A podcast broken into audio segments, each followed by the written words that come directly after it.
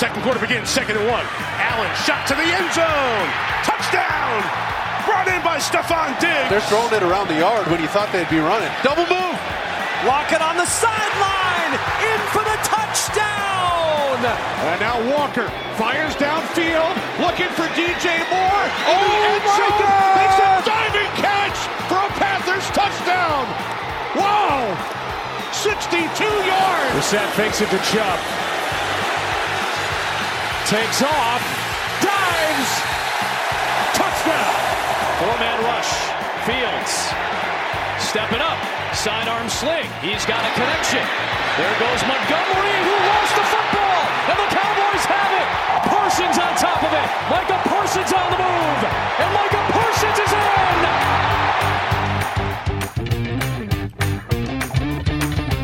Dit is NFL op woensdag, jouw Nederlandstalige podcast over de NFL, de National Football League.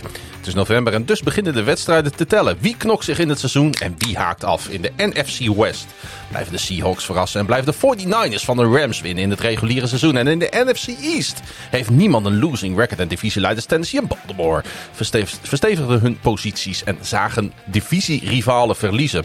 En we moeten het natuurlijk over Panthers Falcons hebben. Dit is NFL op woensdag seizoen 3 aflevering 23.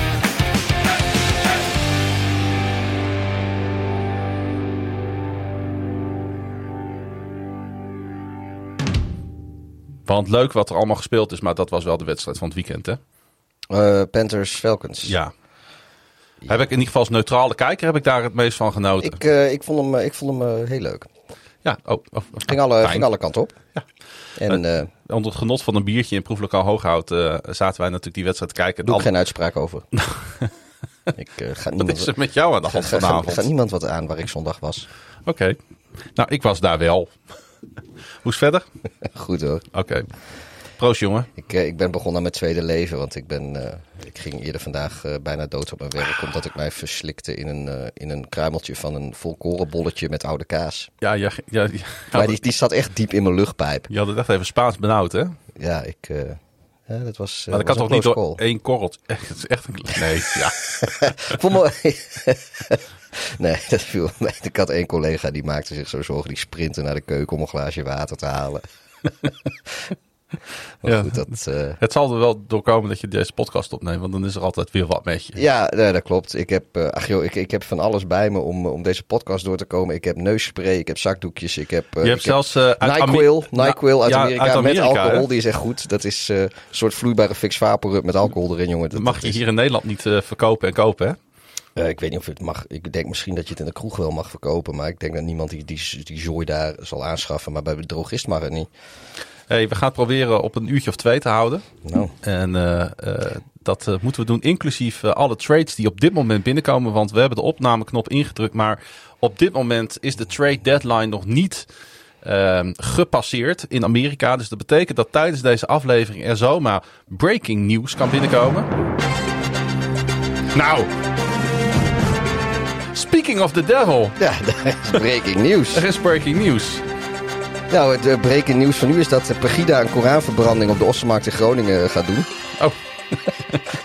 dat is niet waar we op doelden.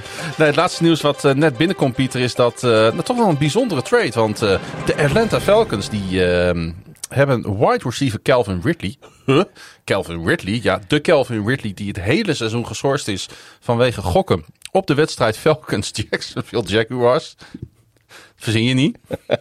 Ja. Die is getraind naar de Jacksonville Jaguars. Zou die daar ook op ingezet hebben? Ja, ik denk niet dat dat kon, maar eh, het is wel heel frappant. Je kan toch wel op trades inzetten nog? Volgens mij in Vegas, je kan toch op alles gokken? Ja, dat is waar. Nou, misschien heeft hij er inderdaad wel op ingezet. Hij, eh, ik zag hem ook al tweeten met eh, één woord. En dan mag jij raden welk woord hij tweette. Begint met een D. Doeval. Inderdaad. Hij, Nee, eh, dat was, eh, was helemaal niet afgesproken dit. nee, helemaal niet. Maar het ging echt heel Ja. mooi synchroon. Hij eh, is blij dat hij, eh, denk ik, weg is uit Atlanta. Hè? Want eh, dat huwelijk, eh, dat is wel voorbij. Ja. Hoewel ik het nog steeds eh, ergens een, eh, een beetje een, eh, overdreven straf vond. Maar goed, het is wat het is. Of zijn andere straffen niet uh, he hevig genoeg, zodat deze ja, heel heftig dit, lijkt? Dat zou het ook nog kunnen zijn, hè? Ja, of... of maar Voor wie het gemist heeft, hij is een nee, jaar ik... geschorst vanwege gokken op NFL Oh nee, nee, ik bedoel dat, dat deze straf, dat hij wordt getraind naar Jacksonville. Oh, deze straf. dat vind ik wel fors. Oké. Okay. Hey! zie uh, dat Adam, Schefter met nog meer uh, breaking nieuws komt op dit moment. Oh? Ja, want uh, de 49ers hebben hun running back Jeff Wilson weggetraind naar Miami. Oh ja. Voor een 2023 vijfde ronde pick zie ik hier staan. Jongens, wij zouden eigenlijk gewoon live radio moeten maken. Ja, wij zijn echt heel goed hierin. Ik zat net uh, even NFL Network te kijken. En ik denk, ja, die hebben vast uh, een hele show met allerlei uh, live commentatoren. Ja, wel nee, man. Die zaten gewoon naar de wedstrijd van de Cardinals van afgelopen weekend te kijken met elkaar. Ja, zet ons dan neer. Heb je ook geen enkele notie, hè? Ja. Hey, uh, vraagje binnengekomen van uh, Nelis. Die zegt, wat vinden jullie eigenlijk van dat die uh, trade deadline na acht weken is? Zouden jullie voorstander zijn van een trade deadline voor de seizoenstart? Of zouden jullie misschien juist later willen? Nou, ik denk dat, dat, dat sowieso dat je een trade deadline in het seizoen moet hebben. Ja. Vanwege verschillende redenen natuurlijk. Ik heb, ik heb hier natuurlijk een mening over. Nou. En uh, ik vind het prima zo. Het is natuurlijk uh, na week 8 nog, of het, volgens mij was het vroeger na week 7, geloof ik zelfs. Uh, net voor de helft van het seizoen. Maar in ieder geval ongeveer op de helft van het seizoen. En ik vind het wel mooi, want je kan. de, de schifting is zeg maar een beetje gemaakt tussen de teams die, die dit seizoen niet meer gaan meedoen voor de, voor, de, voor de prijzen. En de teams die dat wel van plan zijn. En ja, kijk, we houden allemaal. een van de redenen dat we allemaal van de NFL houden is de, de pariteit. En die is er ook omdat de goede teams nu uh, misschien wel net iets te veel opgeven om een speler bij een slecht team weg te halen. Waardoor dat uh, slechte team of minder goede team uh, meer kapitaal heeft, al dan niet op de cap of als draftkapitaal om, om snel beter te worden. Ja. En dat, kijk, dit is natuurlijk het moment om slechte contracten aan te gaan voor teams die, die wanhopig zijn met vanwege blessures of, of wat dan ook. Ja, dus je hebt drie categorieën eigenlijk. Je hebt de wanhopige teams, je hebt de teams die niet meer meedoen en je hebt de teams die wel meedoen. Ja, en in, van al die drie die teams heb je, heb je natuurlijk ook weer categorieën hoe goed ze gerund worden. Maar uh, uh, ja, je hebt, je hebt teams die, die traditioneel heel weinig doen uh, met, met dit. Zoals de Green Bay Packers, die nu volgens mij ook weer heel rustig zijn, terwijl er echt wel gaten zijn. Ja. En je hebt teams die wel actief zijn, die normaal, die nu wel actief zijn, die normaal rustig zijn. Zoals de Bears en de Ravens. Want die, uh, volgens mij zijn het beide teams die normaal gesproken niet heel actief zijn uh, midden in het seizoen qua trades. Nee, nou de grootste trade is natuurlijk al geweest. Dat was natuurlijk McCaffrey van de Carolina Panthers ja. naar de 49ers. Maar ik denk dat uh, op dit moment uh, Roquan Smith inderdaad op, wel op twee komt. Ja, dat is voor ons de grootste trade, denk ik. Het ja, is onze podcast. Voor ons sowieso. hij gaat van Chicago naar Baltimore, van de Windy City naar de Charm City. En uh, wij weten precies hoe je die route aflegt. Ja. Namelijk via Detroit. dat zal hij niet doen. Nee. Hij, uh, hij komt dus uh, over naar de Ravens. En de Ravens die sturen een tweede, vijfde ronde pick. En A.J. Klein. A.J. Klein. Voormalig Who's That Man? A.J. Klein. Naar, naar Chicago. Ja. De speler van Iowa State. Hij... Um, uh, vraag, vraag van Frank over Etje Klein. Die zegt: uh, De vraag ligt wellicht iets wat voor de hand. Maar is het nu Super Bowl or bust in Chicago na het traden voor AJ Klein? Nou, dat was natuurlijk al. Ik heb uh, vorige keer gezegd: Super Bowl, Super Bears. Dus daar blijf ik bij. Alle, de kansen zijn nu alleen nog maar toegenomen. Ja, met AJ Klein, dan als je. Ja, ik, ik vind het een beetje zonde voor jullie. Maar het is wel gunstig voor Chicago. Want, want ja, die die, die, die, die tweede ronde pick voor jullie, die wordt alleen maar beter. Het is natuurlijk de blockbuster move waar we op hebben zitten wachten ja, het hele jaar. ik denk het wel. Nog even over Smith, want uh, ook die moet wat aandacht krijgen. Hij was de number 8 pick in 2018. Uh, aan het begin van het seizoen was hij natuurlijk op zoek hè, naar, naar een nieuw contract, zeg maar. Uh, hij staakte zelfs even. Maar hij committeerde zich ook alweer vrij snel aan de Bears. Smith startte dit jaar, als ik het goed heb, iedere wedstrijd. En noteerde een NFL best 83 total tackles. Daarnaast ook nog 2,5 sacks. Twee intercepties en drie pass deflections zie ik hier staan op ESPN.com. En um, in uh, uh, 2021 noteerde hij een career high 163 tackles. Um, hoe goed is hij? En wat is eventueel zijn manco, Pieter? Zijn, uh, ik denk dat zijn, zijn top ligt best wel hoog. Alleen, uh, nou, we hebben natuurlijk al uh, wat uitgebreider over gehad in het begin van het seizoen toen hij toen die zijn hold-in deed. hij is een off-the-ball linebacker, dus dat betekent dat hij... kijk, hij is niet een, een, een Ray Lewis of een, of een Urlekker of een Kukli of, of, of een... Weet je, een, al, om, of een Bosa. Mm. hij is wat onzichtbaar. Hij is, hij is de man van de, van de tackles. En uh, nou ja, goed, dat, dat bewijzen statistieken ook. Ja. En zijn, zijn plafond is, is best wel hoog. Het is denk ik echt wel, uh, als hij in vorm is, als hij goed speelt, dan is hij uh, een van de, van de beste off-the-ball linebackers in de league. En misschien wel de beste. Alleen ik vind zijn zwakke punt is dat hij vrij wisselvallig is. En dat hij dus hele sterke optredens afwisselt met behoorlijk zwakke. Hm. En ja, dat, uh, dat maakt dat, dat de Bears dus uh, afgelopen offseason niet heel erg uh, van plan, of afgelopen preseason niet heel erg van plan waren hem die 20, 21 miljoen dollar per seizoen te geven waar hij zelf graag voor had willen spelen. Ja, die middle linebacker posities bij de Ravens is natuurlijk jarenlang een, een prio geweest. Mm -hmm. noem het een beetje het, het Ray Lewis effect. Um, uh, zij konden alleen natuurlijk nu wel iemand aan gebruiken. Patrick Queen uh, heeft daar uh, zwak gespeeld aan het begin van het seizoen. Laatste wedstrijd goed gespeeld. Josh Bynes is een goede linebacker. Veel geblesseerd geweest. Ja, met Smith is daar en een hele sterke kracht bij gekomen. Ik denk dat het alleen maar het voordeel van Queen is. Omdat Queen denk ik wat sterker vind tegen de run. En ik vind Smith wat sterker tegen de pass. -huh. En er komt gewoon leiderschap bij. Ja, dat, uh, nou, het is, het is in, de, in, de, in de kleedkamer is het wel echt een, uh, een belangrijke figuur geweest, denk ik, de laatste jaren uh, voor de Bears. Hij heeft natuurlijk ook geleerd van mensen als Hicks en Mac, die, die daar ook al rondliepen. En die al de nodige ervaring hadden en de nodige respect hadden. Ja. Ook met Robert Quinn, die vorige week weggetraind is. Um, en je kon ook wel zien... En even daarvoor natuurlijk uh, Mac, waar jullie ja, iets ja, minder voor gekregen hebben zelfs dan voor uh, Ja, dat klopt. Alleen dat was een iets, uh, iets, ander, iets ander contract natuurlijk. Ja. Want in dit geval er loopt nog een half jaar contract voor, op, dat voor Smith. En daarna zullen de Ravens ofwel met hem op tafel moeten... Of uh, your option moeten lichten. Want dat kan natuurlijk ook nog. Ja, maar... dat denk ik niet dat ze dat gaan doen, maar het, het is een optie. Ik, uh, ik denk dat, dat ze gewoon met hem om tafel gaan. En als ze hem, als ze hem laten gaan, dan zou het, uh, afhankelijk van wat, wat de Ravens verder doen, zouden een, een eventueel compensatory pick aan het eind van dat de klopt, ronde in, maar ik, in kunnen ik, zitten. Ik durf hier wel te voorspellen dat de Ravens dat niet gaan doen. Die gaan niet dit draft capital opgeven voor een, laten we het maar een rental spelen noemen. Uh, nou, ik denk, ik, daar ik, geloof ik niet in. Nee, maar ik, ik, ik, zal me niks verbazen als die wel wat, wat langer bij jullie blijft. Dat het, is, het is wel het type speler waar, uh, waar de Ravens. Uh, die past bij de Ravens en de Ravens passen ook wel bij hem. Net, ja, goed, voor, voor dat soort verdedigende spelers is denk ik zowel Chicago als, als Baltimore lijkt vrij veel op elkaar qua teams en qua ja. cultuur en, en hoe ze tegen die positie aankijken. Dus dat zal. Uh... Het is wel grappig dat de Ravens nu met uh, twee spelers uh, komend offseason moeten dealen zonder agent. Want Lamar ja. en Smith hebben natuurlijk allebei geen agent. Oh, wacht even. Roquan Smith heeft Saint Omni. dat weet je nog hoe dat. Ja. dat, dat nee, dit. ik, ik ga dat nu niet allemaal meer uitleggen. Nee. Maar mensen moeten maar zoeken op Saint Omni en Roquan Smith. En dan vinden ze wel wat, wat ik bedoel. Ja. Maar ja, dat, dat, dat is inderdaad wel, wel een puntje. Uh, maar ik denk, weet je, Smith en uh, is, of ja, Smith en Lamar, ik, ik denk wel dat ze ermee uitkomen. En Smith is nogmaals gewoon wel een leider. Dat zag je aan die Holden uh, toen hij niet wilde spelen voor zijn contract. Hij stond gewoon wel aan de zijlijn coachen nog steeds spelers. Hij, ja. hij speelde alleen niet.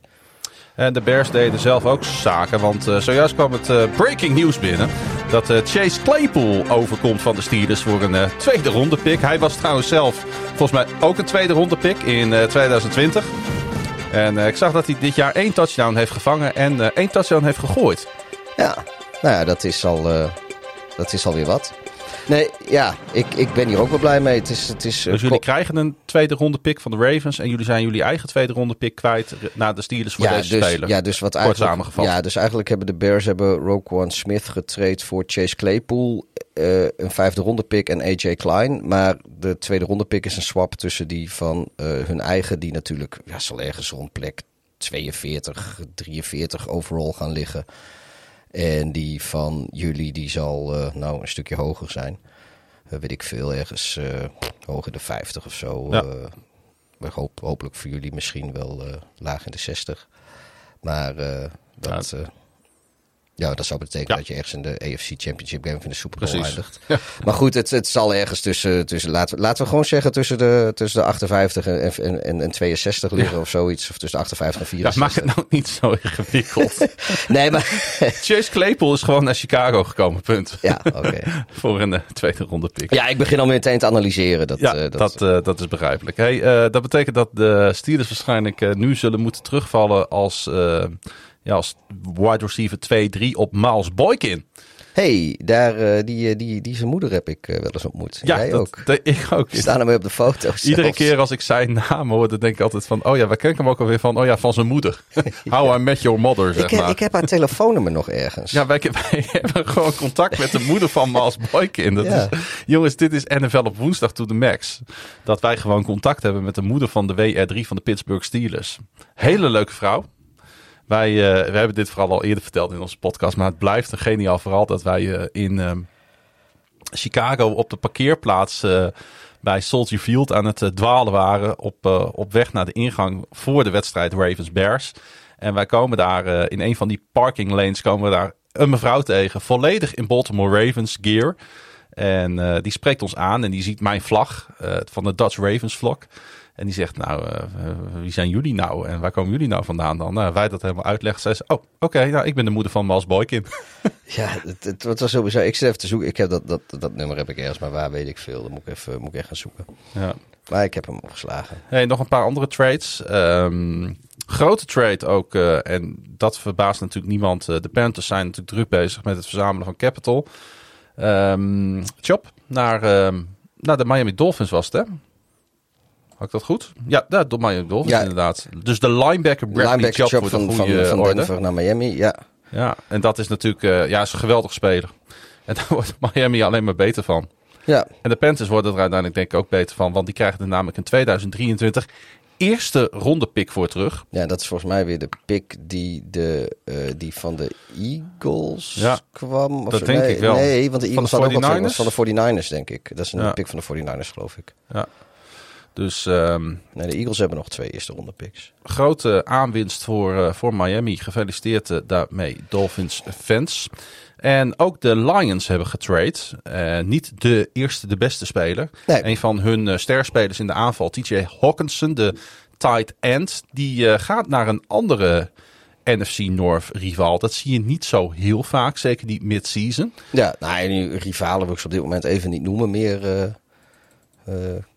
Tenminste, ze, Nou, of nou ja, oude- rivalen wel, maar geen concurrenten. Oude, oude zeggen. camphanen. Ja, nee, nee, rivaal wel, maar het zijn geen concurrenten. TJ Hawkinson naar de Minnesota Vikings. Ehm, de Lions krijgen daarvoor een 2023 tweede ronde pick. Zie ik hier staan. En ook nog eens een 2024 derde ronde pick. En wat, eh, Toch wel aardig wat value voor de wat Lions. maakt dat eh, TJ Hawkinson? Nou, Dat is, eh, moet je even de, de tune instarten, vriend. de, de breaking news tune. Nee, de biertopper van de Oh. week, jong gek. Ik had het niet in het script gezet. Nee, ik zie het. Op het laatste moment heb jij dit eh, bedacht namelijk. Ja, ik, eh, ik vind TJ Hawkinson eh, is mijn biertopper van de week. Want die gaat van, van de bodem van de divisie naar de top van de divisie. En ik denk dat hij heel leuk voor de dag kan komen bij de Vikings. Dus die gaat ik een stuk meer naar zijn zin hebben.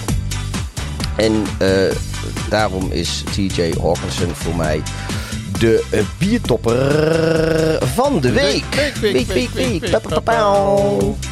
Hartstikke leuk. Nou, dit zat, zat, kwam er echt heel spontaan en goed eh, voorbereid kwam deze er even in. Excuses. Eh, van, eh, van allerlei leuk trade nieuws naar eh eh, Trix nieuws. Voordat we gaan beginnen met de wedstrijden. Want vandaag is bekend geworden dat Adam Zimmer, zoon van voormalig Vikings coach Mike Zimmer, overleden is op 38-jarige leeftijd. Ehm, het is niet duidelijk eh, waaraan. eh, maar het is in ieder geval plotseling. Dat is wat wel bekend is gemaakt. Ja. Hij eh, was werkzaam bij de Cincinnati Bengals als offensive analyst. En ja, dat is natuurlijk verschrikkelijk nieuws. Hij heeft jarenlang natuurlijk onder zijn vader gewerkt bij de Vikings. En Ja. Een beetje een Zimmer-bolwerk was het daar.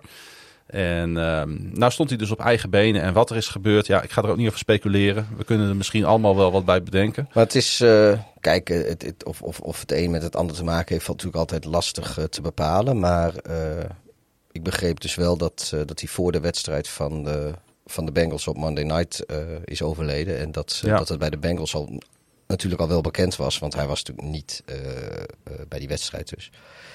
En of dat nou nog eh, invloed heeft gehad op hoe ze daar speelden, door- weet je, dat kun je ook alleen maar over speculeren. Maar eh, eh, met een fijn gevoel zullen die spelers en, en de staf daar in ieder geval niet aan de zijlijn hebben gestaan. Laten we het zo maar zeggen.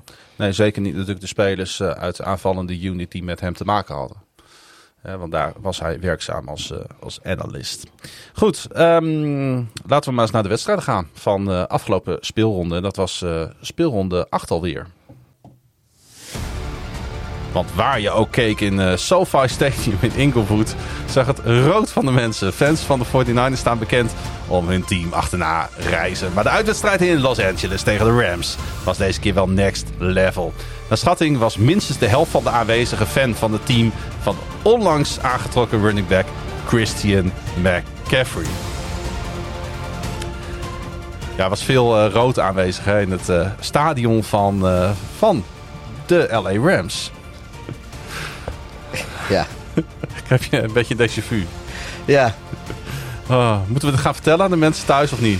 Nou, nee, er, ging iets, eh, er ging iets mis met, eh, met de opname. Dus eh, even kijken. Alles wat je hiervoor gehoord hebt, voordat het muziekje van deze wedstrijd begon, is, is origineel. En nou ja, dit, eh, dit, eh, dit is een stukje die we hebben al een keer gedaan. We maar we op- vertellen gewoon niet hoeveel we al gedaan hebben. We doen net alsof Nee. alles nieuw is. Laten we dat vooral doen.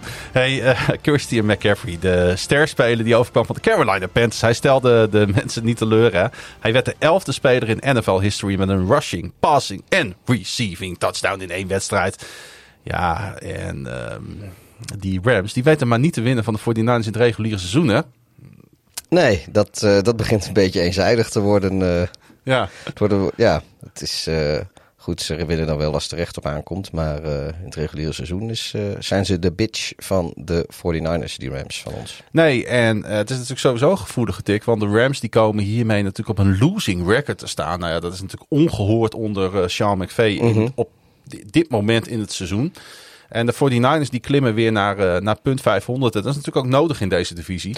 Wij hadden ook allebei gedacht dat, eh, dat de Rams dit wel zouden winnen. Goed, op dat moment was volgens mij McCaffrey nog niet getrade. Of wel? Ja, wel. Ja, Ja, wel. die was al wel Ja. Ja, die heeft vorige keer namelijk ook al gespeeld. Ja, nee, dit was eh, natuurlijk ook gewoon in de vrijdags, eh vrijdags eh, Petje.affers podcast. Nee, maar goed, ja, daar zaten we weer mooi naast. Nou, over McCaffrey gesproken, het is natuurlijk best wel pijnlijk voor de Rams. Want die hadden heel graag natuurlijk hem ook binnen willen hengelen. Omdat ze ja, een soort van eh, non-existence eh, running eh, game hebben daar. Maar hij ging dus naar de 49ers. En juist hij ja, rent, vangt en gooit de Rams helemaal naar de getver. Hè? Ja, dat, ja, nou, hij deed eigenlijk alles wat je maar kan doen aan de, aan de aanvallende kant van de bal. Behalve een, eh, een 30 yard pass op zichzelf Op gooien. zichzelf, ja. Hij scoorde dus, of hij, ja, hij scoorde op drie verschillende manieren een touchdown. Met zowel rennen, vangen als gooien. Eh, de laatste speler die dat op die manier deed, dat was in 2005. Dat was eh, LT, Ledanian Tomlinson. Die dat natuurlijk deed voor de toenmalig San Diego Chargers. Sowieso af en toe lekker om gewoon weer even San Diego Chargers te kunnen zeggen. Vind Ja, je niet? en LaDainian Tomlinson. Ja, toch wel een van de grootheden die eh, wel fijn. Ik heb toen ik NFL ging kijken, toen ging kijken, toen was hij nog net zeg maar actief. Ja. Heb hem nog net eh, een tijdje zien spelen. En, Toen eh, nog in of San 1, 2. Diego. Ehm, en Jimmy G, die speelde natuurlijk ook best wel een goede wedstrijd, hè? Ja, ik, eh, Als hij maar het juiste personeel om zich heen heeft, dan, dan komt het wel goed met hem, hè? ja, en een coach die, die, die Ja, zeg maar van zijn, van zijn zwakheden weg kan, kan schiemen. Ja. Dat, dat werkt gewoon heel goed. Alleen, ehm, ja, nou ja, goed. Trey Lance is natuurlijk geblesseerd en dat is eigenlijk de enige reden. Tenminste, dat hoop ik voor de 49ers. Dat dat de enige reden is dat Garoppolo speelt. Want eigenlijk hoopt iedereen natuurlijk gewoon dat ze met Lance daar de quarterback van de toekomst hebben. Maar als dat inderdaad zo is, ja, dan kan natuurlijk ook eh eh Shanahan niet wachten tot hij terug is. Want die man die wil graag ehm, zijn eigen gekozen quarterback, eh, die, die, die, die goed moet kunnen draaien in, in het scheme zoals hij dat echt voor ogen heeft. Daar wil hij natuurlijk mee gaan winnen. Zoals eh, McVay dat aan de andere kant heeft gedaan door vorig jaar eh Stafford te halen. Dat hij niet meer om de zwakheden van Goff heen hoefde te schemen. Ja goed, eh, voor Shanahan is het wachten tot het gebeurt. Maar vooralsnog lijken ze het helemaal niet nodig te hebben. Want zelfs met, met de nodige blessures... is Jimmy G weer, begint hij meer en meer te lijken op de Jimmy G die de eh, eh, Niners alles naar NFC Championship Games en Super Bowls gebracht heeft. Of één Super Bowl dan. Maar Ja, we, kijken, we kijken misschien een beetje voor de, langs de 49ers omdat ze op 4-4 staan. Maar ze spelen natuurlijk gewoon mee in Nee, maar ze klimmen, om, ze eh, klimmen gewoon in dat seizoen. Kijk, Ja. en eh, ja, kijk, die, die eerste wedstrijd, nou, daar, daar, daar, weet je, dat was in omstandigheden, daar kun, je, daar kun je niet eens echt duidelijk wat van zeggen. in Nou, de stromende regen in Chicago Ja. bedoel je? Ja. en vervolgens eh, raakt natuurlijk eh Trey Lance Ja. geblesseerd. Waardoor eigenlijk eh, wat ze heel veel in het pre-season geoefend hebben, dat moet misschien langzaamaan weer terug de ijskast in. dus ja, ze hebben ook gewoon een, een, een wat stroeve start gehad. En dat is best begrijpelijk met alles wat, wat er is gebeurd. Maar het is, het- ja, ze hebben een paar beetje onverklaarbare nederlagen, laten we eerlijk zijn. De- Ah, die tegen de Broncos. was ja, tegen heel de Broncos. raar. Ja, Had, eh, maar ook van de Falcons hadden ze natuurlijk nooit moeten verliezen. Nee.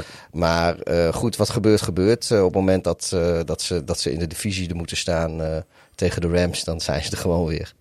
Ja, deze twee coaches, Sean McVay en Kyle Shanahan, waren natuurlijk collega's bij Washington. En eigenlijk op praktisch hetzelfde moment werden ze in 2017 aangenomen bij hun huidige teams. Hè. McVay van de Rams heeft dus nu negen van 13 onderlinge duels verloren van Shanahan. En als je kijkt naar wat de Rams de afgelopen jaren hebben gepresteerd, is dat echt een belachelijke statistiek natuurlijk. Ja, als je ook kijkt als je naar wat, eh, wat Shannon heeft ge- gepresteerd. Want die, daar hebben we het nog niet zo heel Dat is- lang geleden Dat is over net zo gehad. goed dat een zijn- hele rare dat, statistiek. dat, dat Ja. zijn record eigenlijk eh, eh, niet zo goed is als, als de, zijn reputatie. Nee. nee, dat klopt inderdaad. Ehm, hoe dan ook voor de Niners winnen, doen weer mee.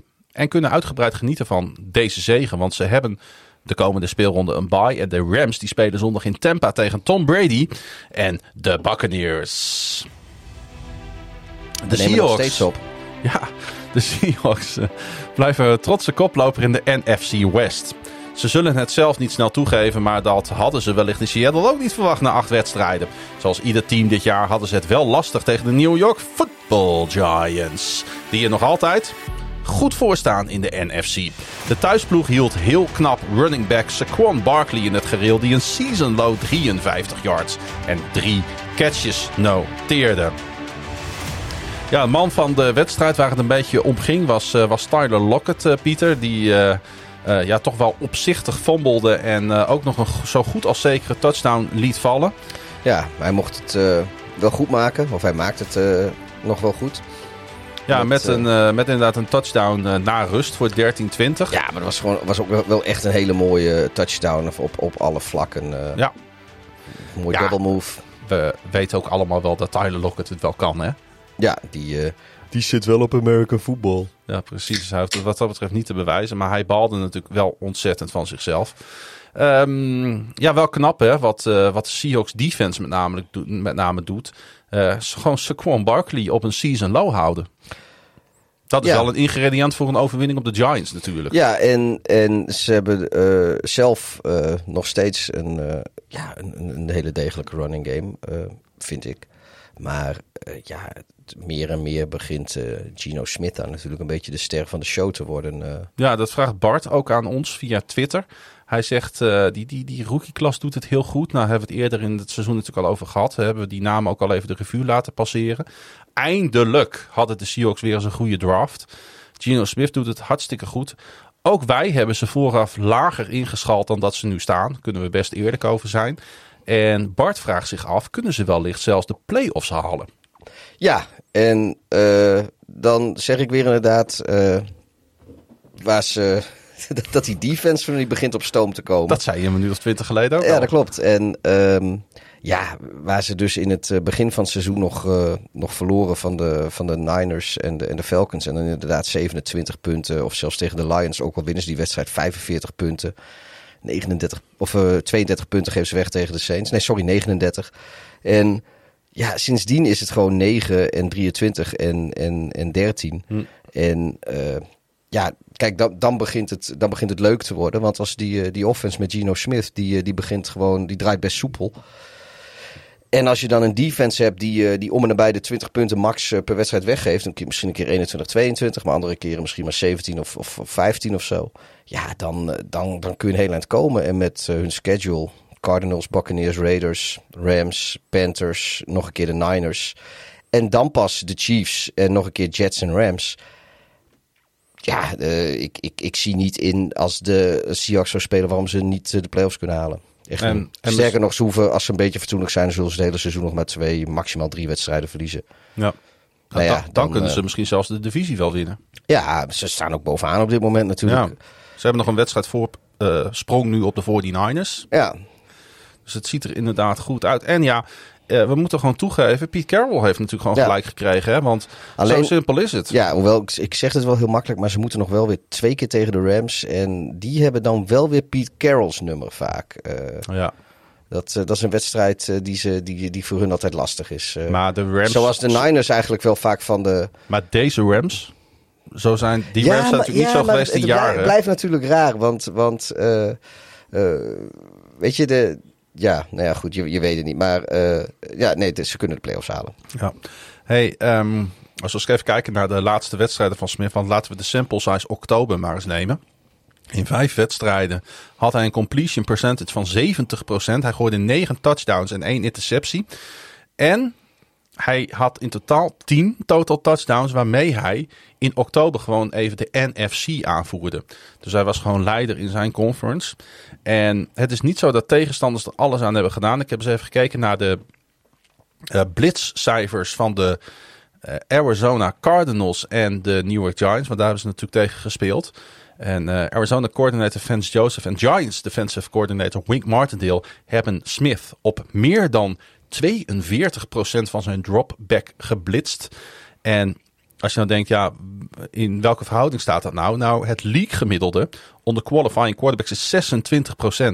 Dus die coordinators hebben ervoor gekozen om ongelooflijk veel pressure op Smith te zetten. En bijna iedere keer had hij natuurlijk samen met zijn offensive coordinator, Shane Waldron, had hij een oplossing in huis. En hij kon het ook nog eens uitvoeren. Ja. Nou, dan eh, zullen we nog een laatste, laatste dingetje van deze wedstrijd. Ja? Als vandaag de play-offs zouden beginnen, dan was dit eh, de, de ronde, de wildcard ronde, zeg maar tussen 6 en 3. Eh dat was ook weer Giants tegen Seahawks. En dan Oh. de Giants eh, als de six seed. Dus de nummer 2 in de, in de NFC East natuurlijk. En, eh, en de nummer 3 seed is dan voor de Seahawks als, als divisie eh, winnaar. De Giants die hebben trouwens komend weekend hun bye. Nemen daarna in eigen huis op tegen Houston. En de Seahawks die reizen af naar divisiegenoot Arizona. Alle respect voor de manier waarop de Cardinals zich door dit seizoen heen knokken hoor. Maar vaak hebben ze pech en staan ze net aan de verkeerde kant van de streep. De Vikings kennen dat gevoel maar al te goed. Afgelopen jaren was het vaker net niet dan dan net wel. Tot dit seizoen dan. De Vikings wonnen opnieuw en staan op een prachtig 6-1 record. De Cardinals hadden genoeg kansen in deze wedstrijd, maar maakten ook net iets te veel fouten. Ja, eerst maar eens even naar die eh, eh, Vikings defense, eh, Pieter. En dan met name naar één man. En dan weet jij waarschijnlijk al wel waar ik naartoe wil.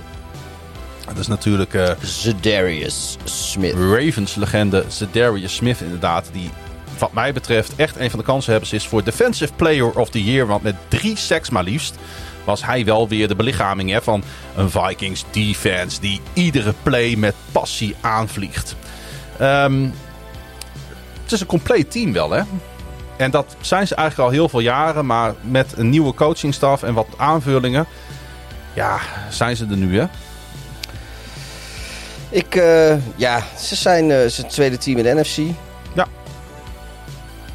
Achter de Eagles. Ja, en eh, qua record eh, ja, doen ze mee met de top van de AFC. Eh, ik, ik, ik denk dat dat misschien nog iets te veel voor ze, eh, eer voor ze is. Maar eh, ja, jij hebt natuurlijk al voorspeld dat, eh, dat, eh, dat de Vikings een serieuze gooi konden doen eh, na een heel mooi seizoen. Ja. Nou, maar dat het zo zou gaan als het- dat het gaat. Het enige waar ik een beetje moeite mee had was, was de coachingstaf. Die ze natuurlijk overgeheveld hebben uit, uit LA, bij de, bij de Rams vandaan. En ik had twijfels over van, gaat dat lukken om die schemes, waar de Rams nou zo, zo goed mee voor de dag kwamen vorig jaar, om die zomaar te implementeren in Minneapolis? En het antwoord erop is dus ja, dat kan. Wel Ja. met deze veelzijdige playmakers op aanval bij de Vikings. Ja, ik, ik moet wel je moet er zeggen... wel de goede ja, spelers voor hebben Maar ik moet wel zeggen dat, eh, dat op het moment dat, dat ze dus tegen eh eh mobielere quarterbacks spelen, dat ze het wel lastig hebben. Want ze hebben natuurlijk tegen de Cardinals, ze, hebben, Ja, ze winnen, ze waar. winnen, maar ze hebben het vrij lastig Hadden we ook al voorspeld trouwens in onze voorspellingspodcast. Hè? Maar eh, ja, ze hebben natuurlijk eh, tegen, tegen Justin Fields ook eh, heel niet makkelijk gehad. En, Nee, dat- ze hebben een vrij statische Dus- dus- line en, en linebacker ja, scores. dus, hè? dus en, en Ja. Jalen Hurts heeft natuurlijk helemaal, heeft ze helemaal weggespeeld. Ja. Eh, dus daar, eh, daar zitten wel eh, eh, behoorlijke zwakte, zwakke punten, denk ik. En dat gaat ze. Dus als zij tegen een Josh Allen of een Lamar Jackson moeten spelen, Nou wordt ja. het echt wel een probleem. Je ja, ja, zeggen. ja. En nou goed, in postseason komen ze die pas in de Super Bowl tegen. Maar voordat het zover is, zullen ze dus echt nog, nog wel een keer. in ieder geval tegen, tegen Jalen Hurts waarschijnlijk moeten gaan spelen. Dus zover zullen ze niet komen. Maar ehm, ja, dat, dat is denk ik wel het, het zwakste punt van, van, van de- deze, deze Vikings eh, defense. Is op het moment dat er mobiele quarterbacks zijn, dan, eh, dan krijgen ze het lastig. goed, en dat dus- zag je de- deze week ook wel. Er zijn natuurlijk altijd nog meer statische dan eh, mobiele quarterbacks in de league. En daar hebben ze een mazzel mee. Zelf hebben ze trouwens niet een hele statische aanval. Want ze hebben natuurlijk die Delvin Cook. Die afgelopen weekend even voor een season high 111 yards en een touchdown rende. En aan de andere kant, eh Day Murray het eigenlijk best wel goed. Met, eh, met drie touchdowns. Dus aanvallend liet hij best wel veel zien. En dan gooit hij ook weer na rust, als het erom gaat. Dus als hij de wedstrijd kan binnenhalen voor zijn team, gooit hij twee hele lelijke, dure intercepties. ja, dom hè? En dat is dan toch wel een, een, een, een, een dingetje, is nog een understatement. Hij heeft echt moeite met het binnenhalen van overwinningen voor zijn team. Hè? Ja. En het lukt wel eens, maar het lukt ook vaker niet. Nee, en ja, dat, ja, dat, dat, dat, dat is inderdaad zo.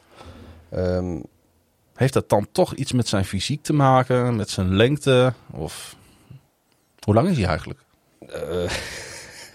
vijf, eh, 5'10.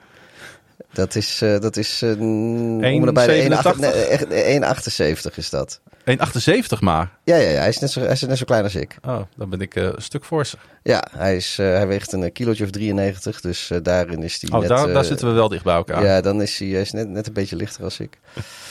Dus dat... eh, Ik begin wel een beetje medelijden te krijgen met de Cardinals en met Murray. Want je voelt gewoon aan alles. Zij gaan, een heel, zij gaan niet een grijs seizoen draaien, want daarvoor zijn ze te leuk om naar te kijken. Maar ze gaan natuurlijk wel een kansloos seizoen spelen als het gaat om meedoen voor de prijzen. ja, Hè, ze gaan en niet spelen voor een hoge draftpick volgend jaar. En ze gaan niet meedoen om, eh, om, eh, om playoff succes. Dus ze spelen een beetje heel leuk af en toe in het niemandsland van de NFL. ja, het is, eh, het is ja, Maar wat de Vikings eigenlijk ook jarenlang gedaan hebben. heel, heel respectloos gezegd, het is een beetje leakvulling. Ja, ja dat waren de Vikings natuurlijk ook heel veel jaar. Ja, nou, ik, ik zie die altijd een beetje anders, omdat waarschijnlijk ook dat gewoon een divisiegenoot is. Dus eh, je hebt sowieso, eh dat- kom je ze twee keer per jaar tegen. Maar dat waren net als de Cowboys, waren maar dat het- ook jarenlang een Ja. 7, 8. maar dan moet ik zeggen dat, 8, dat, 18. dat die wedstrijden tegen de Vikings, die voelden niet echt als divisiewedstrijden. Dus ja, wat dat Hmm. betreft... eh, Het is denk ik ook het team wat je uiteindelijk wat jij het beste kan hebben, of niet in de divisie. Zijn dat de Lions? Nee, ik, ik, ik, ik heb niet zoveel probleem met de Vikings. Maar ik denk wel als de Vikings eh, jarenlang heel goed gaan worden, dat dat anders wordt. Ja, Eh, maar dat is denk ik logisch. jij leeft sowieso bij het eh, haten van succes van een ander. Ja, nou ja, goed. Daar, daar Als het dan gaat om de teams in je divisie gaat, hè, voor de goede orde. Daar ga ik altijd wel lekker op. Nee, ik, eh, Trouwens, ik ook hoor. Ik vond het ook namelijk fantastisch afgelopen nacht dat de Bengals verloren. nee, maar ik, Zo werkt dat gewoon. Ja, maar ik weet je, laat, laat die Vikings eh, lekker leuke dingen doen. Maar aan de andere kant, van Super Bowl hoeven ze mij ook weer niet te winnen. Want eh, dat, eh, dat, dat, vind, dat gaat weer een beetje ver. Dat gaat te ver. ja, ik denk ook dat ze daar nog net niet klaar voor zijn.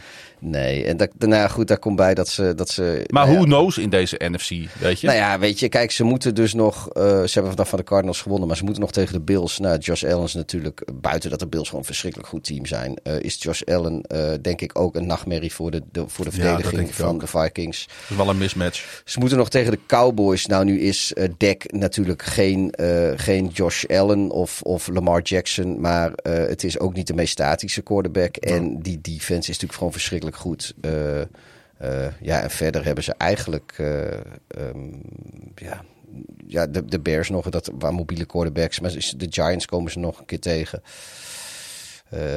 Ja, ik, ik, ze, ik, ik, ik, ik, ik voorzie wel dat ze de divisie gaan winnen. Dat is denk ik niet een, echt een hele hot take. Maar Nee. in de playoffs halen ze We derhalve gaan het zo even over de Packers hebben, maar ik denk dat eh 6-1-3-5. Dan heb je wel echt, een, echt, echt nu al een gigantische voorsprong opgebouwd hè, in de divisie. Ja.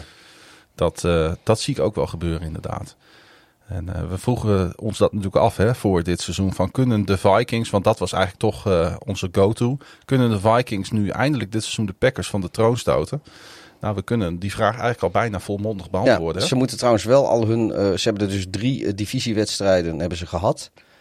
Eh, maar wel allemaal thuis. Dus ze moeten naar de Ja. Lions, naar de Packers en naar de Bears. En vooral die Packers en die Bears wedstrijden, dat is 1 januari en 8 januari. Dus dan zitten ze wel in de, in de wintersomstandigheden. En Is het dan niet al gespeeld? Dat zou natuurlijk ook kunnen. hè? nou ja, de, de visie. Dat moeten ze dan de. Nee, de, de, de visie misschien wel, maar dat kan natuurlijk wel serieuze playoff implicaties überhaupt voor Absoluut. ze Dat, hebben. dat Maar, eh, altijd. Iedere wedstrijd, Pieter, heeft in principe playoff implicaties. Ja. Zelfs, zelfs als er niks meer kan gebeuren. Zo is de NFL dan ook wel weer ingedeeld. Hey, ehm, nu moeten ze in ieder geval, eh, als het om komend weekend gaat, afreizen naar Washington. Dat zal voor Kirk Cousins best wel een eh, bijzondere wedstrijd zijn. Want dat Ja. is natuurlijk tegen zijn oude team. En de Cardinals die, eh, ja, die hebben echt een bepalende serie. Hè, met drie thuiswedstrijden op rij tegen al hun divisiegenoten. ja, Dus de Seahawks, de Cardinals en de Rams achter elkaar in eigen stadion. nou gezellig. Ja, er zijn weinig duels in de NFL zo mooi als tussen een star wide receiver en een star cornerback. Al voor de wedstrijd ging het er verbaal heftig aan toe tussen Stephon Diggs van de Bills en Jair Alexander van de Packers. Eerstgenoemde werd de winnaar. Zijn team pakte de zege en hij was goed voor een game high 6 catches voor 108 yards en een prachtige 26 yard touchdown catch. Ja, de Bills, eh, we zeiden het net al hardop. Wij durven wel. Het zijn wel de hot takes. Een van de grote favorieten om namens de AFC natuurlijk de Super Bowl te gaan spelen. Beste team van het moment. Ja, En dat, eh, dat maakte deze wedstrijd ook meteen vrij saai. En dat was dan niet, eh, niet zozeer omdat, omdat het kwaliteitsverschil op het veld zo groot was dat... dat ja, nou eigenlijk wel. Het kwaliteitsverschil op het veld was zo groot dat ik heb het idee dat de Buffalo Bills op een gegeven moment met de handrem erop zijn gaan spelen om... eh, eh, en en dat, daardoor leek, het, eh, leek die wedstrijd uiteindelijk wat, eh, wat closer dan dat Twee- het in werkelijkheid was. twee intercepties gooien naar rust van Josh Allen is dan ook weer niet nodig. Nee, maar ik, ik, ik, ik vraag me nog steeds af of, of, hij, of die intercepties ook gegooid waren als, als dit een zwaar bevochten wedstrijd eh, was geweest tot op dat moment. Als je begrijpt wat ik bedoel. Ik heb het idee dat ze een beetje... Want dat is het juist. Als je, als je met de handrem erop gaat spelen, verlies je concentratie. En eh, Ik heb wel genoten trouwens weer van die sfeer daar in Buffalo. ja, die... eh, ja, gaat- die, mensen gaan dat tekeer, joh. Ja, joh, dat is die niet gun, je, normaal. die gun je toch ook dat die, die weten toch ook niet wat ze zien. eh dit hebben ze toch 30 jaar niet meegemaakt of zo. Dus die, die, die, die weten niet wat ze meemaken. En Nou, inderdaad, exact. Want dit is hun beste seizoenstart sinds 1993. En dat waren die gekke jaren 90 voor de Buffalo Bills. Ja. Met, eh, ik dacht, als ik niet vergis, maar liefst vier Super Bowls op rij gespeeld. Ja. En vier Super Bowls op rij verloren. Ja, de nood is wat dat betreft heel erg hoog in Buffalo. Hè? En als het een keer kan, dan is het met dit team, met deze quarterback op dit moment. Hè? Ja, dus eh, ze hebben nu in principe alle, alle stukjes op een plek. Er, dus eh, de de defense is, eh, is, is compleet. Ze misten nog wat pass rush, eh, maar dat hebben ze met Van Miller natuurlijk opgelost. En, en die speelt ook geweldig. En, zolang die fit blijft. Ja. En ze hebben al een paar overwinningen behaald. Hè? Want Aaron Rodgers was een- natuurlijk niet de eerste eh, Ja, ze hebben Mahomes- MVP. ja, ze hebben, ze hebben Mahomes en, eh, en Brady... eh, En Lamar. oh, sorry, en Lamar zijn ook Ja. wel aan de zegenkar geregen. Rijg je iemand aan de zegenkar? Misschien. Is dat een... Ik denk het wel. Ja, ik vind dat dat. ik, ik, ja, volgens mij is dat. dat is zo, zo doe je dat. Ja. Ehm, en. ehm, I don't care. oh, Als spijker je iemand aan de zegenkar, joh. Ja, ik, ik kan, je kan ze er ook onderleggen. Dat kan ook allemaal. Dat hebben ze eigenlijk ook een beetje gedaan met Aaron Rodgers. Want de Packers hadden Zo zag met... je er ook wel uit, jongen. Alsof er Zo, een zegenkar over mijn me heen gereden hemel. was. Ja, dit, dit is dan ook hun slechtste start ooit na acht wedstrijden. Ja, en ik geniet van, van, van iedere week. Ja, ik snap wel dat dat, dat zo is, maar even een klein beetje objectiever gezien. ik weet dat het moeilijk is. Nou, nou weet je, eh, ja, kijk, en dat is, eh, dat is objectief. Alleen, ik geniet daar dus van. Nee, maar serieus. Nee, natuurlijk. Ik, de, de, de, de Packers, die zijn 3-5. En eh, eh, die hebben inderdaad eh, hun slechtste seizoenstart in, in, in een eeuwigheid. En eh, Nou, in ieder geval de slechtste onder Rodgers. ja, en eh, terwijl de Green Bay Packers voorafgaand aan het seizoen al hun beleidsmatige keuzes en zelfs hun gebrek aan activiteit eh, eh, voor het einde van de trade deadline tot aan nu toe duidt erop dat zij van zichzelf vinden dat ze in een Super Bowl window zijn. Hmm. Terwijl ze gewoon hun, hun slechtste seizoen in, in 20 jaar of zo spelen. Eh, het, het, het, het aan alle kanten lekt, eh, lekt het fouten. Bij zowel de- defensief als offensief. En ook Aaron Rodgers is eh, niet meer foutloos. Nou, ik wilde nog wel een unit bij eh, De noemen. special teams, ja, dat is ook... Dat weten ze maar niet te repareren namelijk. Nee, maar goed, dat, dat, maar dat is een team dat in, in zijn Super Bowl window zit. En daar cap space technisch ook aan gecommit is. En ja, ze hebben dan nog wel de nodige draft picks gekregen voor Devante Adams. Maar goed, ehm. Dus ja, dat, eh, eh, die, die, die eh goede kunst, cute kunst, hoe je dat maar uit wil spreken, waar, waar ze de afgelopen jaren zo hoog over opgaven, eh, Hmm. ja, die, die lijkt het toch niet zo lekker te doen, denk ik dan hoor. Nee, dat is ook zo. Nee, het, het roster is ook gewoon overal met name aanvallend niet goed genoeg. En ik vind defensive, de- defensief gezien vind ik de roster wel goed. Alleen daar komt het er niet uit. Nee.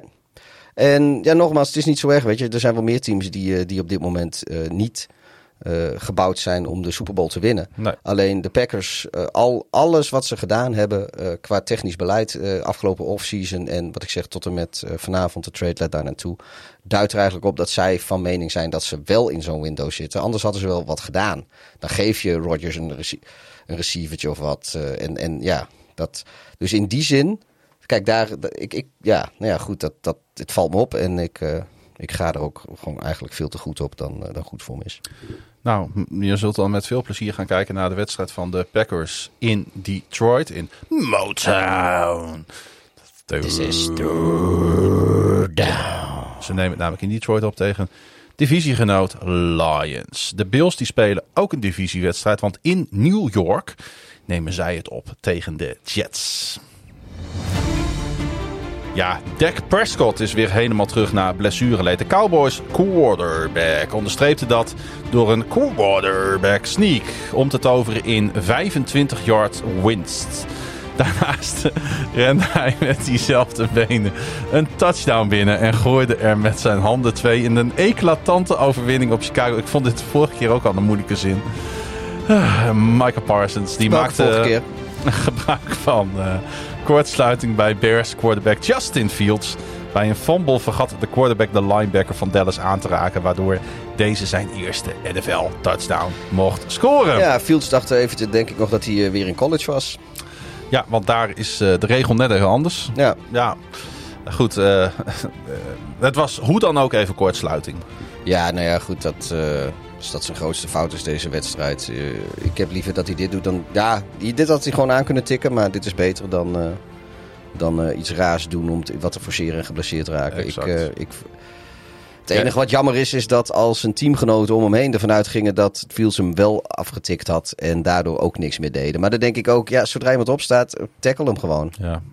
Hey, eh, ik zat hier zo eens een beetje over na te denken vanmiddag. Ik zat een rijtje voor mezelf in mijn hoofd te maken. Ik denk wel eens vaak, zit ik op de bank en dan denk ik een beetje na over de dingen des levens. En ik dacht, hey, zou eh, Dallas Cowboys tot eh, de teams behoren die kans maken op een Super Bowl Of ze in het rijtje Super Bowl kandidaten Ja. staan. ondertussen? Want ze En staan het er rijtje Super Bowl kandidaten, 6-2. wat is dat? Eh, Ch- Chiefs, Bills, Eagles, Cowboys? Nou, voor mij zitten de 49ers en de Ravens daar ook bij. Ik denk dat de Cowboys op dit moment misschien wel het sterkste NFC-team zijn. Ik zeg niet dat dat, dat dat aan het eind van het seizoen ook nog zo is. Gaan we weer de Eagles discussie voeren. Ja, weet je, ik... Met eh, hun eh, softe schema zogenaamd. Nou, nee, maar ik, ik, de, de- hoe de, de defense van, eh, van Dallas kan spelen. En nou, volgens mij spelen ze straks. wanneer spelen ze weer tegen elkaar? Eh, nou, nog niet, want ze hebben net tegen elkaar gespeeld. Ja, en toen waren Dat was de- met Cooper Rush Ja, natuurlijk. dat was met Cooper Rush. Nee, maar de, zoals Prescott eh, speelde. ehm, ja, weet je, eh, waarom niet? Of laat ik zo zeggen, de, de, de, de, de Cowboys die kunnen spelen al- als het beste team in de NFC. Ja, jij hebt ze natuurlijk deze wedstrijd gezien tegen de Bears. Wat viel jou het meest op? De, de aanval of de verdediging?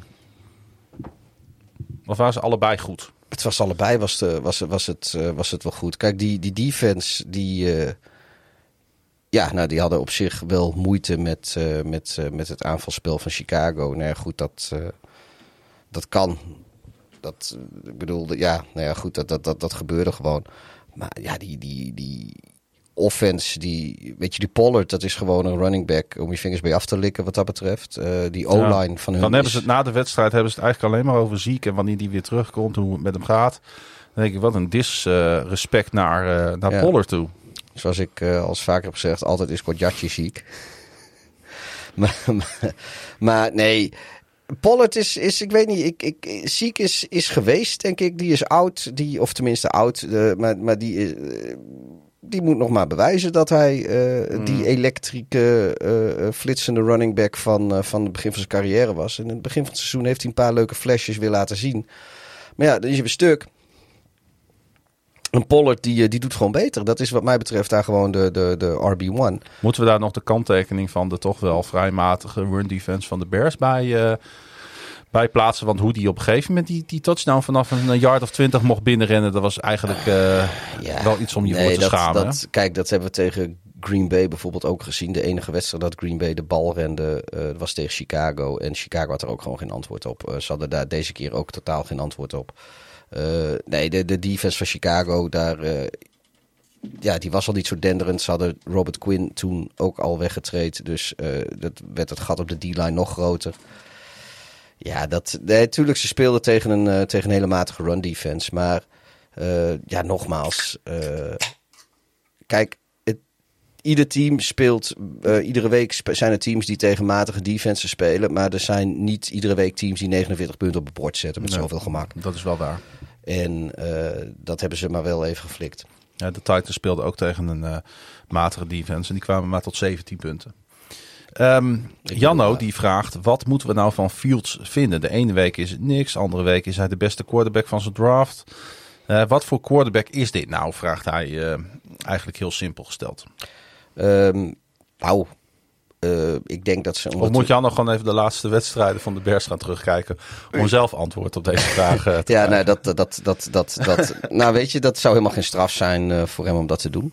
Nee, maar eh, ik denk dat de Bears zelf het eigenlijk antwoord al gegeven hebben. Want ze hebben natuurlijk, zoals we eh, in het begin van de podcast bij Trade News zeiden, op het moment dat ze eh, toch een, een belangrijke defensieve speler eh, wegtreden om eh, eigenlijk eh, dat kapitaal te kunnen gebruiken. Ook al is het niet één op één dezelfde pick, maar dat draftkapitaal te kunnen gebruiken om een wide receiver eh, terug te halen. Eh, dat geeft denk ik ook wat signaal af dat, dat ze in Chicago, eh, want de, de, de, het front office, want laten we wel zijn, Pauls en Eberflus zijn niet degene die Justin Fields hebben gedraft. Dat was nog Pace en, en Nagy. Onder dat bewind is, is Fields nog gedraft. Zullen we die namen gewoon niet al te vaak meer noemen? Oh, sorry. Ik, eh, weet je, ik zal het bij anders zeggen. Eh, eh, Ryan en Matt hebben Fields niet gedraft. Fields is gedraft door Ryan en Matt. Matt. Ehm, maar, Of hem al aankomen. sorry.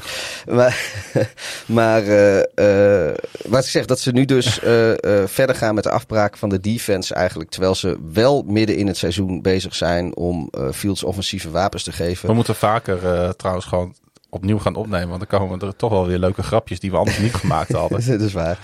Maar, ehm, nee, maar dat, dat toont denk ik wel, of dat geeft signaal af dat ze gewoon eh, wel geloven dat, dat ze in Fields voorlopig de quarterback van de toekomst hebben. En dat ze die eh, al wat vast wat wapens eh, geven. Zo, want ja, nu hebben ze dan Mooney en Claypool. Als ze daar volgend jaar wat bij draften, dan hebben ze daar een, in de eerste of tweede ronde wide receiver bij dra- draften. Hebben ze op papier een, eh, een heel wat betere eh eh, wide receiver class als nu. En dan, ja, wat ik zeg, ze geven Fields nu gewoon wapens langzaamaan. En dat doen ze denk ik alleen maar omdat ze, dat ze geloven in zijn toekomst in Chicago. Hij had wel een goede passer rating, hè? 100, 120, als ik me niet vergis. Ja, ik, ik las ergens eh, 122, maar misschien dat dat, dat gecorrigeerd is de een of de andere kant op. Dit is ook niet zo relevant. Was het vorige keer ook al niet. Nee. En toch zeg ik het weer. De, En, ja. Ehm, nou ja, maar wat, wat veel belangrijker is, en dat eh, roep ik al het, eigenlijk het hele seizoen. eh, eh, als jij gewoon zijn, zijn eh, ontwikkeling en ook zijn passer rating en zijn statistieken, als je die van de eerste acht weken op een rijtje zet, dan zit er gewoon een hele mooie stijgende lijn in. En dat vind ik eh, veel belangrijker. Maar ja, hij heeft inderdaad een, eh, een, een prima, prima wedstrijd gespeeld, vind ik. eh, los van dat, eh, eh, dat hij eh, Een hele dikke nederlaag leed. Michael Parsons even had moeten Ja.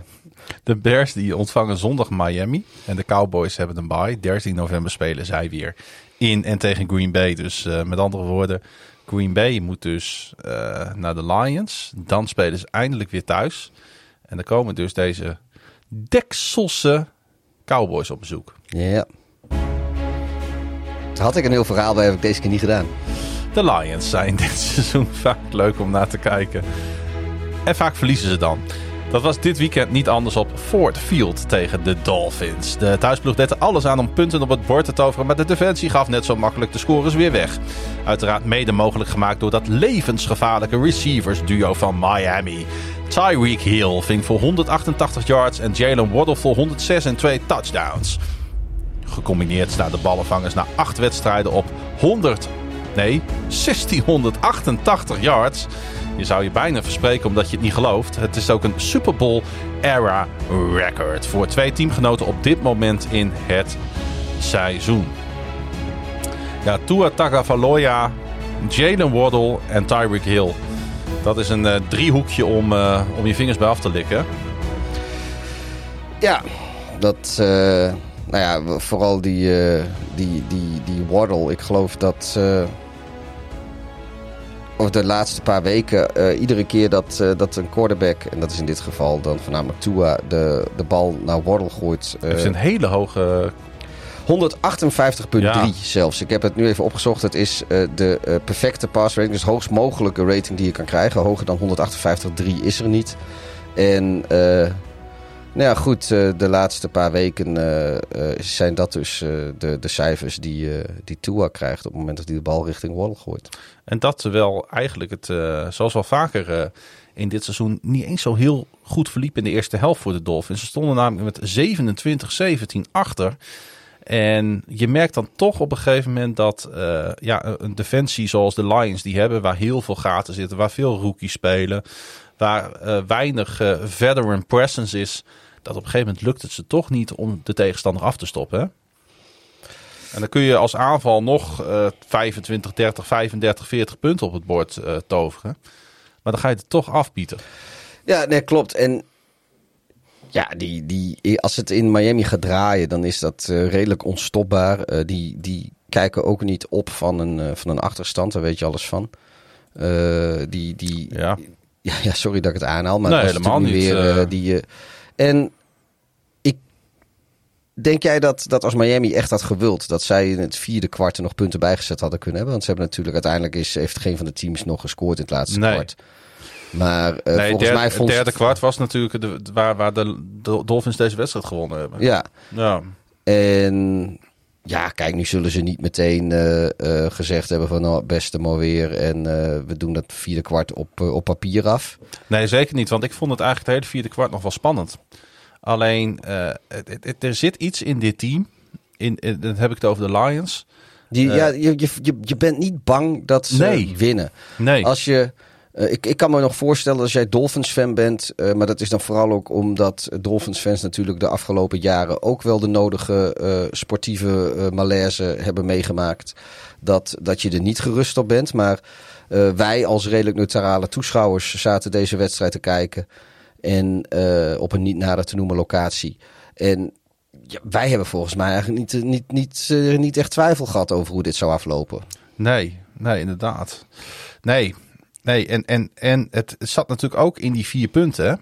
Want ik denk dat als je... Ja, met drie wordt het weer Juist, anders. Ja, nee, dat klopt, dat klopt. Ja, en dan merk je toch dat, dat Goff uiteindelijk met deze aanval iets te weinig in huizen heeft om op het beslissende moment, als de druk toch opstaat, om inderdaad die wedstrijd naar, eh, naar hun toe te trekken. Eh, zonde voor de Lions, want op zich, en dat is natuurlijk wel vaker zo geweest eh, dit seizoen, hadden ze hem niet hoeven te verliezen. Ehm, ik zag trouwens Barry Sanders nog op een gegeven moment eh, eh, geëerd worden op eh Ford Field. Want- Je krijgt een standbeeld, ja, hè? een standbeeld inderdaad. En volgens mij is Nou, dat werd ik in tijden ook, zeg. voor het eerst. Ja, het is ook eigenlijk hun, ei- het is hun enige echte clublegend natuurlijk. Ja, Megatron. Ja. Maar ze, ja, volgens mij hebben die het weer een beetje bijgelegd. Maar die, Ik wou net de- die zijn hebben Kelvin Johnson en de Lions hebben een beetje, nou ruzie, maar in ieder geval onmin. Ja. Onmin. Helaas wel een eh, behoorlijke blessure. Ook voor de Dolphins deze wedstrijd te melden. Want eh, offensive lineman, volgens mij is hij right guard, als ik me niet vergis. Eh, Liam Eichenberg. Die zal significante tijd missen met een MCL-blessure. Hij werd van het veld gereden en is op injured reserve gezet door de Dolphins. Moeten we het nog even hebben over de prestatiegerichte cultuur die er bij de Lions heerst? Hebben we het daar niet al over gehad? Ja, dat was volgens mij bij een andere wedstrijd. Ja, en toen... Of was dat... eh, Ja, daar heb je gelijk in. eh. ja, nou, het is inderdaad wel interessant. Want zij hebben eh, één of meerdere coaches hebben ze ontslagen. Assistant coaches. En ehm, wat zei Dan Campbell daar ook alweer over?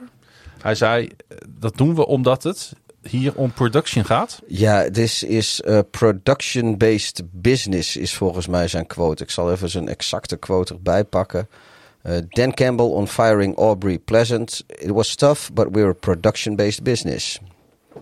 Nou, en daar moest ik smakelijk om lachen. Want eh, het record van Dan Campbell is, zoals eh, Frank Metsenmakers eh terecht opmerkte, 9-25-1. Dus dat is nog geen 10 keer winnen, wel 25 keer hem aan de kont krijgen. En, en een keertje gelijk tegen Pittsburgh, volgens mij was dat. Volgens mij tegen de Steelers vorig seizoen. Ja, Steelers. Maar in elk geval, ehm, ja, dus ik vind het wel grappig dat zo'n Dan Campbell dan begint over een eh, production-based eh, business op het moment dat, eh, dat hij zelf bepaalt ook niet productie draait, want hij is natuurlijk verantwoordelijk voor het record. Ze hebben daar ooit Coldwell ontslagen omdat En die had hij, een eh, winning record. een winning record had. Dus Ja. Dat, dit, dit is natuurlijk het is armoedroef, Pieter. Maar het is wel leuk om heen te gaan. Ja, het is hartstikke leuk om heen te gaan. Motown, this is through down. Down. En lekker eh, Grieks eten en een beetje, nou er zitten wat brouwerijtjes. Je hebt daar, je kan er lekker langs de Vriendje, vriendje. Frank, die was daar gewoon. eh, Ja, eh, die, Nou, die, was, die was bij die Griek. en laten we niet vergeten dat je, dat je de schitterende parkeergarages hebt. Nou, de een na de ander. Ja, maar en het is, ja, het is altijd wel prettig dat eh, eh, zelfs, eh, nou ja, als, als Bears-fan is het wel prettig om te weten dat je altijd nog de Lions hebt. Dus dat je, je, je gaat niet snel 0 0-17. Nee. Ehm, de Lions die hosten Green Bay. Interessante wedstrijd voor, voor jou, maar ik denk voor iedereen wel om naar Nou, te kijken. Ja, de Lions die splitten best vaak met Green Bay Ja. de laatste, weet ik hoeveel jaar. Hoe slecht het ook gaat met de Lions. En nou ja, dit jaar hebben ze bepaald niet de sportieve wind in de zeilen. Eh, dit, eh, dit kan best wel lastig zijn voor Green Bay ook. Want daar zit, die zit natuurlijk ook een beetje in de hoek waar de klappen vallen. En eh, ja, dit, dit kan voor de Lions wel eens leuk uitpakken. Het kan natuurlijk ook Zou, gewoon voor Green Bay Zou weer... Dan Campbell het gebruiken oh, ter motivatie? Wat denk je? ik, volgens mij gebruikt Dan Campbell alles ter motivatie. die, die gaat volgens mij zijn eigen, eigen voeten nog opvreten als, dat, als hij denkt dat zijn team daar een stap harder van gaat lopen. Dan zegt hij, kijk eens wat ik doe. Als Ja. ik dit kan, dan kunnen jullie toch verdorie wel een wedstrijd winnen. Nou, zo, zo, zo, zo lijkt hij me wel. Zal ik het bloed eens uit mijn eh, voeten laten stromen? Zoals jullie het stof van jullie kleren af moeten kloppen. Ja, zoiets. Ja. Ja. Dust yourself off and try again. En dan, eh, ja. De Dolphins die spelen... Dust hij eh, zichzelf op met een kaasschaaf, weet je wel. Dan, De Dolphins hebben een makkie. Die het is rood, het eh, zit in een hoekje en het wordt steeds kleiner. Dan Campbell. Met een, met een kaasschaaf. Met. Om zijn team te motiveren, ja. Die, ja, die- Jezus, dit, het wordt ook iedere keer slechter. de Dolphins die spelen zondag dus uit tegen de Chicago Football Bears. Niet, niet te verwarren met welke andere sport Bears. De Chicago Ice Skating Bears. Of zo. Oh, de honkbal Cubs. Popslayers. Oh ja. Ja, ik weet niet meer wat ik van de Patriots moet vinden. Ik weet sowieso niet meer wat ik van deze aflevering moet vinden. De ene... Het is een enigma. Het is... ja. De ene week is het doffe ellende, net als bij ons. De andere week toveren we weer een fantastische aflevering uit de hoed. En hoe we doen, doen we het. Zijn uh, team, en dan heb Of ik dus hebben we over het over de uh, Patriots Bill? Belichick. Oh, Uh, versloeg de New York Football Jets. En daarmee passeerde Belichick George Hallis. En hij staat nu tweede op de NFL's Career Victories List. Ja, het was voor de dertiende keer op rij. Whopping stat. Voor de dertiende keer op rij dat New England van uh, New York won. En het was de honderdste reguliere seizoensoverwinning van Bill Belichick op een AFC East tegenstander. En ik denk, dat verdient een kekmuziekje. ja, je kan eigenlijk wel stellen dat de Jets Belichick's bitch zijn. Ja, dat uh, kun je inderdaad zo stellen, Pieter. Volgende wedstrijd. nee, want we moeten het even over Zach Ja. Wilson hebben. Want het uh, was nooit de best. Nou, ik, eh, ja, even alle gekheid op een stokje. Ik, eh, ik vind eh Zach Wilson, eh, dacht ik, eh, echt wel een, een dat, die jongen heeft, het- uiteraard heeft hij gewoon talent. Maar eh, het begint mij een beetje eh, ja, op te vallen en misschien ook wel een beetje teleur te stellen dat hij niet echt van zijn fouten lijkt te leren. Ik bedoel, je zit nu halverwege zijn tweede jaar. Lijkt En- ook wel een beetje op ons wat dat betreft. Ja. Wij Ja, laten ook waar. nog steeds geen backup meedraaien met onze podcast. Nee, dat... eh, Hup Wouter trouwens, als je aan het rennen bent. ja, hup Wouter, Wouter, hup, hup, hup.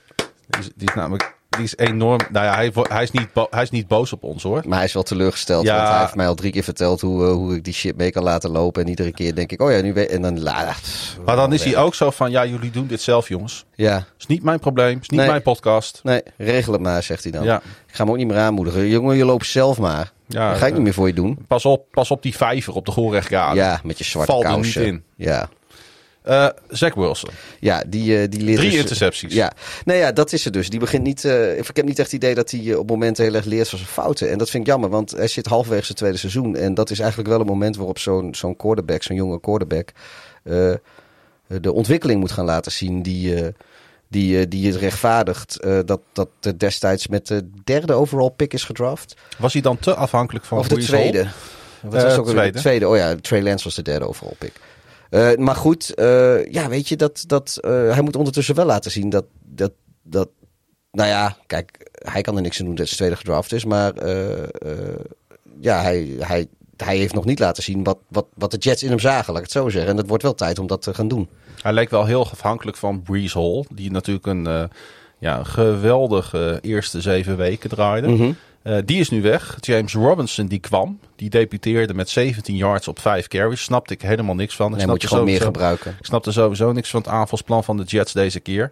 Ik dacht dat eh, de Bears toch een aardige blauwdruk hadden neergelegd. eh, hoe je de Patriots kan bestrijden. Ja, en ja, kijk, nu is, heeft Zach Wilson niet de mobiliteit van Fields. Maar de, aan de andere kant is er wel weer een offensive line in New York die ze in Chicago niet hebben.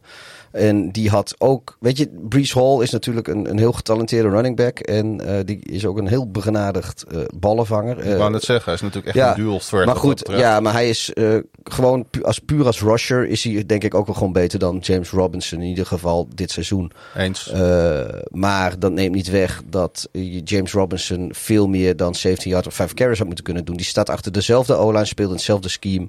En eh, uiteindelijk, ja, met alle respect voor het métier van running back. Maar uiteindelijk is het gewoon zoeken naar groen gras. Het- en het- iedereen die dat kan, die... Het die- gat was niet gigantisch. De Patriots waren niet op, op magistrale wijze aan het aanvallen. Waarom Zach Wilson zo laten forceren? Ja, ik, ik moet snap wel eerlijk zeggen dat ik heb deze wedstrijd natuurlijk niet extreem aandachtig bekeken. Nee, het was gewoon een van de wedstrijden. ik ook niet, maar- Ik, ik, maar het, het zou kunnen zijn dat het zou wat typisch Bill Belichick zijn die zoiets heeft van weet je, ik zorg gewoon dat, eh, dat er over de grond eigenlijk nauwelijks wat te halen valt en, valt en dan dwing ik de Jets gewoon eh, te gooien naar de buitenkanten. Het, het pijnigt mij te zeggen, maar er zijn ook heel veel teams die op die manier destijds eh, eh, van de Trubisky Bears verslagen. Want dan lieten ze gewoon Trubisky de wedstrijd voor Chicago verliezen, om het zo maar te zeggen. Het kan zijn, weet je, het kan zijn dat, dat New England zoiets, eh, zoiets heeft gedaan. Eh, daar heb ik de wedstrijd niet goed genoeg voor gezien. Maar wat het ook, of hoe het ook zij, ik vind nog steeds dat ze meer over de grond hadden moeten doen, ondanks alles. Devin McCourty was de grote man die die defense van de Patriots met twee Ja. intercepties. En ook die Matthew Juden, die speelde weer echt fantastisch. Hè? Met eh, de pressie die hij Alweer, speelt tegen ja. de Bears ook alweer geweldig. Ja, ik vind het wel Ik had knap. het over hoor. Darius Smith, maar Matthew Juden die mengt zich ook in die Defensive Player of the Year discussie hoor. Maar ik vind het eh, wel echt eh, weer knap van, eh van Belichick. Die, eh, ik denk dat ja, die, die nederlaag op Monday Night was toch een soort van kick in the teeth. eh, zeker in eigen huis. Ja. Eh, onder omstandigheden waar ze misschien dachten dat ze licht in het voordeel waren. Ik heb geen idee. Maar en dan in een korte week eh, naar de Jets die toch gewoon eh, de vorm hadden. En, en in het momentum. Sterker nog, de Patriots staan op dit moment gewoon vierde in de divisie. Ja, en, maar ze gaan dus naar de, naar de, de Jets die de, die de hot hand hebben. En eigenlijk laten ze ze volledig kansloos. Terwijl de Jets gewoon thuis spelen. En ja, het enige pluspuntje voor de Jets is dat ze hun perfecte uitrecord blijven Ja. houden. Maar eh, ja, dit is. eh, Helaas voor de Jets eh, spelen ze een thuiswedstrijd weer. Want inderdaad, ze zijn uit, zijn ze ongeslagen. Dat is ook wel een aparte statistiek. Ehm, ik zag dat eh, in de rust eh, Jets Ring of Honor weer eens eh, werd uitgebreid met iemand, namelijk de Brickashaw Ferguson.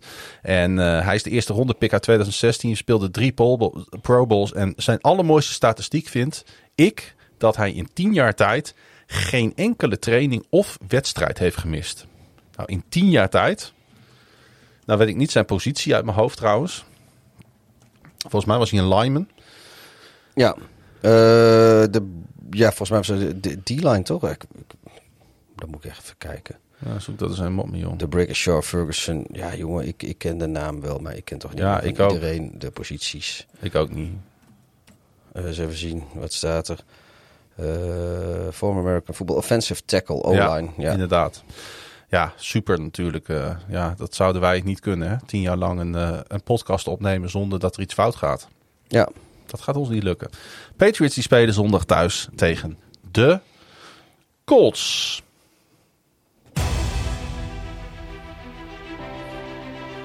De verwachtingen die waren torenhoog hè, voorafgaand aan het reguliere seizoen. We hebben het er veel over gehad, over de Denver Broncos en Russell Wilson. Maar juist die aanval was zeven wedstrijden lang niet om aan te gluren. Tegen de Jacksonville Jaguars was het in Londen niet even goed. Altijd even goed. Maar met drie touchdowns waren de Broncos, de Jaguars, wel de baas. Het begint een beetje vervelend te worden hè, om het eh, elke keer maar weer over die eh, Jaguars te hebben. En, en vooral wat daar allemaal maar steeds misgaat. Want zelfs hun, ja, hun hoogtepunt van het jaar, namelijk de wedstrijd in Londen. De wedstrijd waar het eigenlijk een beetje om draait bij de Jaguars. Natuurlijk ook de wedstrijd waar ehm, ehm, de quarterback Trevor Lawrence zijn eerste profoverwinning in de NFL behaalde. hè. Mhm. Vorig jaar weet je nog tegen Miami. En zelfs deze gaat verloren. ja, ik... eh, En natuurlijk moesten er wat puinhopen opgeruimd worden. nee, maar dat weet ik, wel. Ik ben er wel een beetje klaar mee, want het is eh, met, Ja. met, met, met die Jaguars... en dat ligt eh, met alle respect voor iedereen die de Jaguars een warm hart toedraagt... maar het is eh, serieus lastig om, om zoveel jaar op rij eh, eh, het lachertje van de NFL te zijn. En daar bedoel ik niks persoonlijks mee, maar... ehm, het is gewoon, eh, weet je, kijk, ze- de, Behalve in Indianapolis dan. Hè. Daar, hebben ze, daar kennen ze wel de kracht van de Jaguars. Maar dat tezijde. Nee, maar ik bedoel, de, de Cleveland Browns, die hebben gewoon het, het, het slechtste record van de afgelopen 20 jaar. Maar die Ja. zijn eigenlijk wel de afgelopen eh, drie seizoenen zijn ze in ieder geval richting de middelmaat gekropen. En met eh playoff deelname en het leek zelfs even dat ze, dat ze aan de subtop aan het snuffelen waren. Zijn ze misschien ook wel even geweest. Maar ze zitten gewoon in, eh, in de middelmaat. En daar lijken ze voorlopig ook wel even in te zitten. Ze zitten niet meer in, het, eh, in de categorie eh, Lions. Want dat is het andere team wat in de laatste 20 jaar zo slecht was. Maar dus eh, nummer drie zijn de Jaguars. En ja, weet je, die, daar, die zie ik er nog niet uitkomen. Dit, dit seizoen, Trevor Lawrence zie ik, wat ik net over Wilson ga, ik, zie ik met die interceptie die gooit. Eh, wat is dat, de eerste Ja. kwart nog zo'n beetje Ja, bij op- de endzone? Op, op de, op de, in- op in de endzone? goal line. Ja, doe normaal. Ja, het het- was een first down. Het was inderdaad een first en goal ook nog. Dat klopt. Ja, kijk, als het einde van de wedstrijd en het is fourth and goal eh, met, met goal to go of, of, of om een tie te forceren of, of weet ik veel wat. Dan kan ik me nog voorstellen dat je iets forceert wat er niet is. Of iets ziet wat niet bestaat. En dat weet je zeker. Het is er tenslotte zit in zijn tweede jaar, is een jonge quarterback. Ja. Maar eh, vroeg in de wedstrijd. eh, eh, ja, dit is ook weer zoiets. Je, je kan op een first and goal die wedstrijd niet winnen in het eerste kwart. Maar je kan hem er misschien al wel verliezen. En dat heeft hij eigenlijk al gedaan. En Ja, want ze komen uiteindelijk komen ze op 10-0 al in het begin van de wedstrijd. ja, Door die eh, touchdown gevangen door die tight end van ze. Engram heet hij volgens mij. ja. En dan maken ze een field goal door eh, Riley Patterson. Staat er 10-0, had 17-0 kunnen zijn. Wat gebeurt er? Het wordt niet 17-0, het wordt 10-7. Omdat eindelijk Wilson wat terug doet. En dan voel je, door die touchdown vlak voor de Earl Grey... voel je al een beetje natuurlijk die wedstrijd kantelen. hè? ja. En dat gebeurt dan ook, want eh, na rust hebben de Broncos dan die hele goede drive eindelijk in huis. Uiteindelijk afgemaakt door running back Melvin Gordon III. En, ehm, en winnen ze gewoon eh, in Londen van de Jacksonville Jaguars. En komt er dus eindelijk een beetje lucht bij die Denver Broncos. ja. Werd ook wel tijd, hè? Ja, de- dat, Ik gun het nou ook de Denver Broncos niet dat ze ook nog deze en- zouden verliezen. Nee, maar en, en daar zit, eh, hoe je het ook bent of verkeerd, er zit daar eh, nog dusdanig veel talent dat het kan ook niet zo door blijven gaan. Ik bedoel, Russell Wilson is misschien niet meer op de piek van zijn, van zijn, van zijn fysieke en mentale kunnen. Nee, ze hebben ook wel een beetje geplakt. Want ze hebben dan vorige week Latavius Murray hebben ze binnengehaald. Nou, die scoort eh, prompt een touchdown. Tussenin doet Travis Etienne iets terug voor de Jacksonville Jaguars. Die had wel een goede wedstrijd trouwens. Dat, sorry, dat is wel echt een goede running back hè. Daar hebben ze wel heel veel plezier van in Jacksonville. Hij eh, rende gewoon voor 156 yards deze wedstrijd. Tegen toch een hele sterke defensie van Denver natuurlijk. Dat vond ik wel een opvallende statistiek eh, deze pot. Ja, Ehm, ja, en dan gooit hij Lawrence met eh 1,43 op de klok. Dat was natuurlijk wel een beetje in desperation time. Gooit hij nog een interceptie hè, op uh, Kawan Williams. Die was ook niet helemaal nodig geweest. nee, maar dat, dat daar zag- vind ik... daar, daar ja. stond ook geen Jaguar in de buurt. Nee, maar ik, ik heb met, met, met inderdaad in Desperation Time of Heel Marys of, of, of weet je, eh, eh, dat, dat soort, daar, daar, heb, daar heb ik al niet zoveel moeite mee. Gaan, daar mogen voor mij betreft zijn er wel vaker quarterbacks, ook wel goede die daar intercepties gooien. Vind ik allemaal prima. Ehm, maar ja, Lawrence, eh, ja, over zijn ontwikkeling. Dus Ik, ik zie hem, eh, weet je, daar, wordt hij, daar, wordt hij, daar groeit hij een paar wedstrijden. En dan lijkt hij in één keer helemaal terug te vallen. Dan maakt hij weer fouten die hij die, die vorig jaar ook al maakte. Of hij dacht dat hij ze verleerd had. En dan, en dan eh, weet je, voor, voor iemand die, die de het grootste talent sinds Andrew Locke zou zijn geweest. Eh, Je kan hem niet vergelijken met, met halverwege Nee, zijn tweede joh. seizoen. Nee, Totaal niet. En nee, oké, misschien, Bij far niet. misschien we zijn de, Bij zijn de flesjes niet eens. Nee, misschien waren de Colts eh, wel een iets beter team. Maar kom op man, eh, de Jaguars hebben ondertussen al ook wel...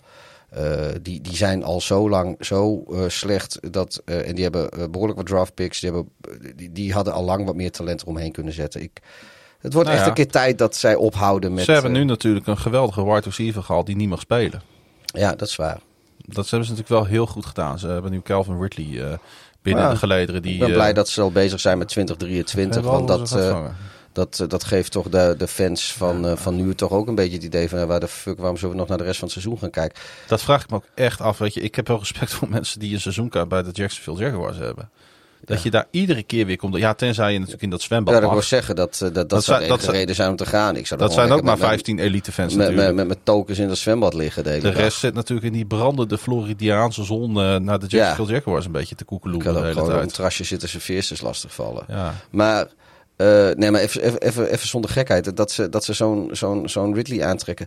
Waarom doe je dat nu? Dat had je ook aan het eind van het seizoen kunnen doen. Het enige wat je nu uitstraalt aan, eh, uit, aan, aan iedereen is... Uh, wij zijn met volgend seizoen bezig, dit seizoen, meh. Ja.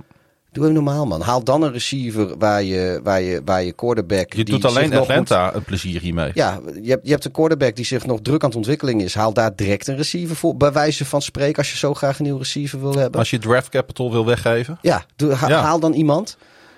Of, of eh, ga, ga gewoon in het offseason eens kijken. Want eh, ik kan me niet voorstellen dat ze bij Atlanta nou heel happig zijn om met Ridley verder denk te gaan. ik ook, hè, want ze hebben nu een quarterback. En ze gaan echt niet komen in de draft voor een quarterback. Nee, Eh, had dan die eerste pick weggegeven voor DJ Moore.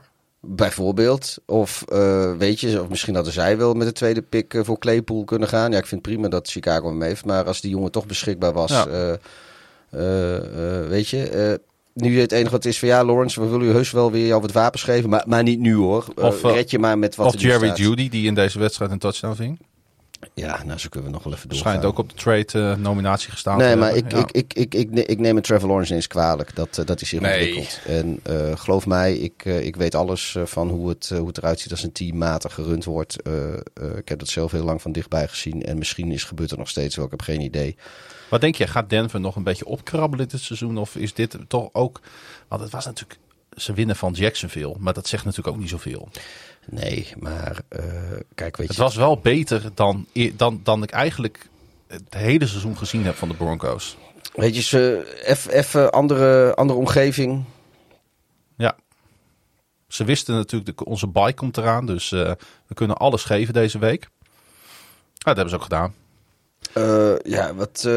oh ja, ze hebben wel de buy naar een Londen game. Ja. Eh, en dan, nou ja, goed, weet je. Ze, ze kunnen allemaal dingen rechtprijzen. Ze gaan met een lekker gevoel de baan. Ja, ik denk dat dit. eh, Ik zeg niet dat er om, om Komt wel, echt, is. komt wel echt een key game voor hun aan, hè? Want ze hebben dus de bye en daarna spelen ze in Nashville tegen de Titans. Als zij wat willen dit seizoen en ze willen laten zien dat ze nog mee kunnen doen in deze Ja. AFC, dan is dat hun game, hè? Ja, nee, dat, eh, dat is wel waar. natuurlijk geen makkie. De Jaguars, die hosten zondag op, volgens mij dat Tia Bank Field, als ik me niet vergis, de Las Vegas Raiders. En die staan op, eh, op 2-5. Dus eh, daar eh, liggen misschien ook wel weer mogelijkheden voor Jacksonville.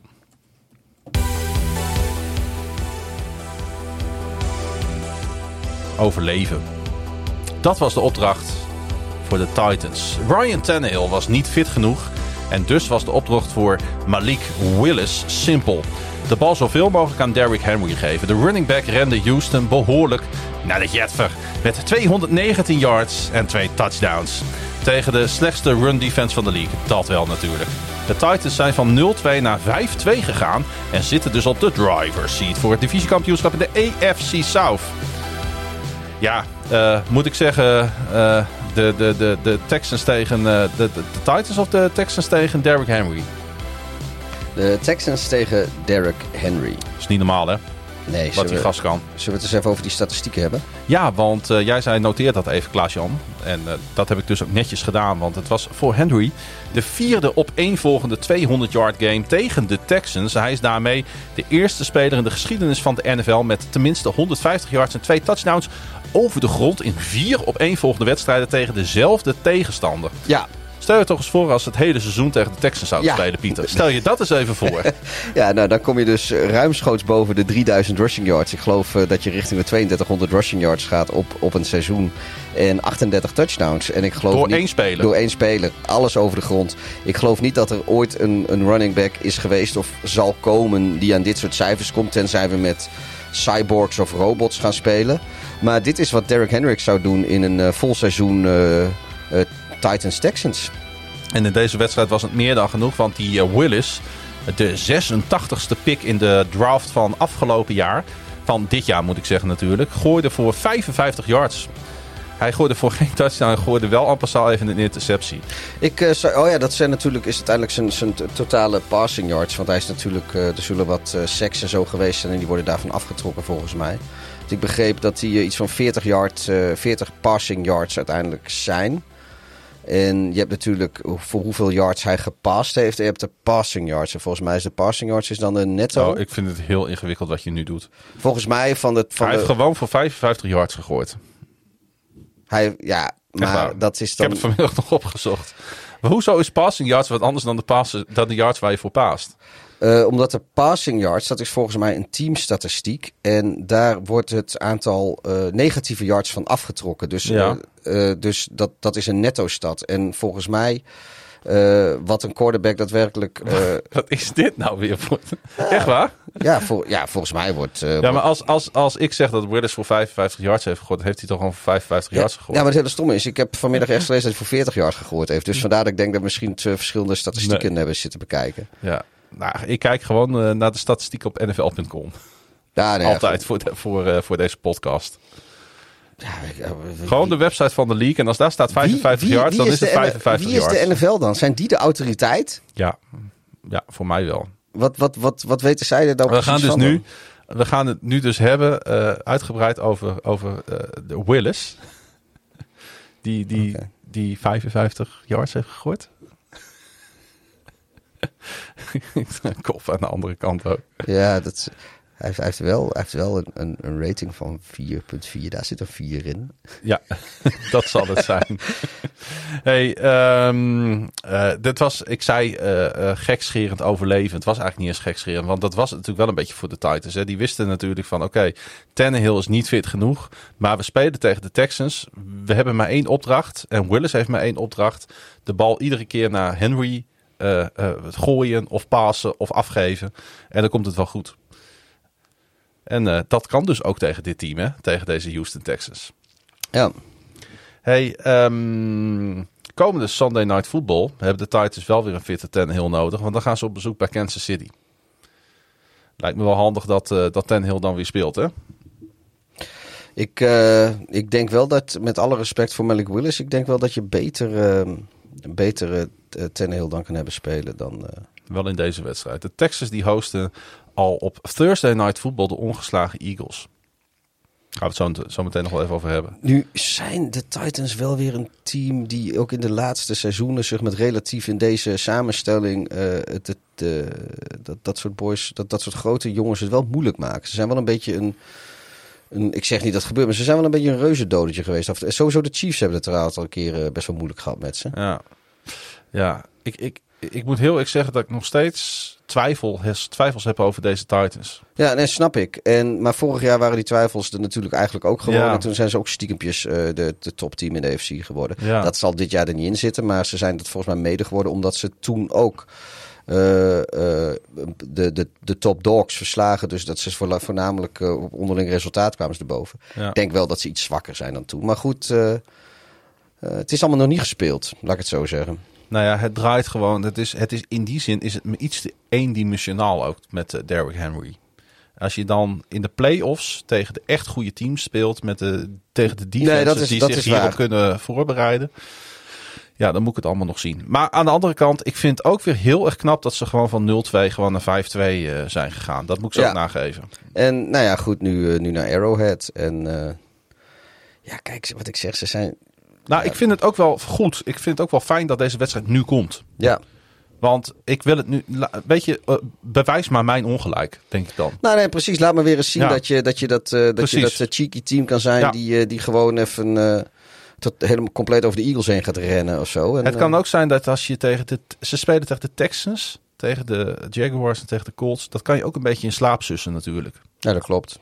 Dus wat dat betreft hebben zij ook af en toe gewoon een tegenstander nodig die. eh, ja, die, die, die, eh, die het beste in hun naar boven brengt. En dat kunnen de Chiefs natuurlijk nou ja, zeker. De, de Chiefs zijn maar daarna gaan ze tegen de Broncos. Ja, goed, eh, we, die hebben natuurlijk een bye week daartussendoor, maar nou ja, die, die mogen dan ook meteen aan de bak.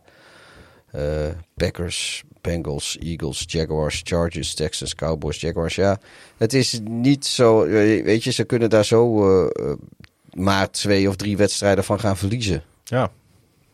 Drie eerder. Nee, zij zijn gewoon. eh, zij zijn kansen hebben absoluut in de AFC om sowieso met een van de eerste vier seats. Een 12 een 12-5 record zie ik ze wel ja, halen. ik ook. Ja. En eh, ja, dat kan dan ook eh 13-4 worden Ja. natuurlijk. Maar 12-5 zie ik wel gebeuren. En dan kun je zo... Maar dat, je kan ook, maar dat één- kan ook tegen je werken. Ja, nee, dat klopt. Ja, wat hebben we het eh, over de Eagles natuurlijk ook al gezegd. Hè? Als je zo eh eh, vlieren fluitend eh, naar de eindstreep gaat. Ja. En dan opeens moet presteren in de play-offs. Maar goed, zij komen natuurlijk wel... eh eh eh, zij spelen wel tegen, tegen topteams eh, uit hun... eh, ja, weet je, ze hebben, ze hebben de Bills, ze hebben de Chiefs. Eh, ze spelen nog... eh, nou, de Cowboys, dat is dan hun, eh, hun eh, NFC eh zwaartepunt. Eagles spelen ze ook nog tegen. En de Eagles inderdaad. Dus zij hebben, zij hebben wel een, een pittig programma. In die zin dat ze te- tegen tijd dat zij... Vooral omdat ze dus de Bills en de Chiefs hebben. Wat de beste teams in de NFL zijn. Hebben zij denk ik wel meer paddock... Of hebben wij zo'n zwaarder programma dan iedereen in de NFC. Nou, het is aan Ryan Tannehill. Ja.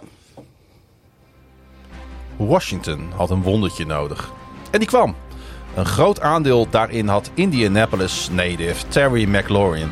Die een 100-yard day kleur gaf met een geweldige 33-yard contested catch. Wat de setup was voor uiteindelijk de winnende score. eh, die nederlaag, Pieter, die kwam wel heel hard aan bij de Colts. Hè? Offensive coordinator Marcus Brady, die werd dan ook ontslagen. Brady was verantwoordelijk voor gameplanning en playdesign. Headcoach Frank Reich, die callde de plays. Brady werd gepromoveerd tot OC in 2021 toen Nick Sirianni headcoach werd in Philly. Ehm, ja, na een thuisnederlaag tegen Washington je OC eruit gooien. Je staat op 3-4-1. Vind je het een logische stap van de Colts? Nee. Want het ligt niet aan hem. Nou, weet je, ik vind het heel erg makkelijk om. eh, kijk, als ze van zijn, eh, van zijn. Ze hebben net een switch gemaakt natuurlijk van Matt Ryan naar Sam Ellinger. Ja, nee, maar weet je, als er van de gameplanning of van het playdesign niks klopt. en je komt daar pas achter eh, na een nederlaag in week 8. dan, eh, dan, dan gaat er iets niet goed. Nee. En als je acht weken al hebt gespeeld met matige gameplanning en playdesign. En pas na acht weken denk je van, nou weet je, dit is echt best wel matig. Dan is er ook iets niet. Maar ja, Nee, als je iemand na twee er is- weken ontslaat, zeg je van... ja, had hem nou wat meer tijd gegeven. Nee, maar Frank Reich is er zelf verantwoordelijk voor. Had, die had of kunnen zeggen van, joh, weet je, eh, ik ga zelf wel eh, meedoen met... Weet je, je... je ik, ik vind het zo... Frank Reich is... Die, die call to plays, die is verantwoordelijk. Die kijkt toch wat de plays zijn. Als hij zegt van, joh, hier klopt geen reet van... dan doe je dat toch voor de wedstrijd. Weet je dat Ja. voor de wedstrijd al. Dit is een beetje Monday morning quarterback. En ik wil... Ik, zie je, ik doe wat. Ik doe er alles aan. Uh, huppatee, donder jij maar op. En eh, zie je, ik doe er alles aan. Maar eigenlijk... Joh, wat, waar is die Frank Reich nou eigenlijk mee bezig sinds weet ik hoeveel jaren? Dat, we hebben, ik heb, vorige keer heb ik Ballard, die, die general manager, heb ik af zitten zeiken. Nu ga ik Frank Reich even afzeiken. Want eh, wat, wat doet hij daar nou dan? Wat, wat maakt hem nou zo uitzonderlijk? Nou, we kunnen het, eh, eh, om het eh, verklaarbaar te maken, in ieder geval uitdrukken in cijfers.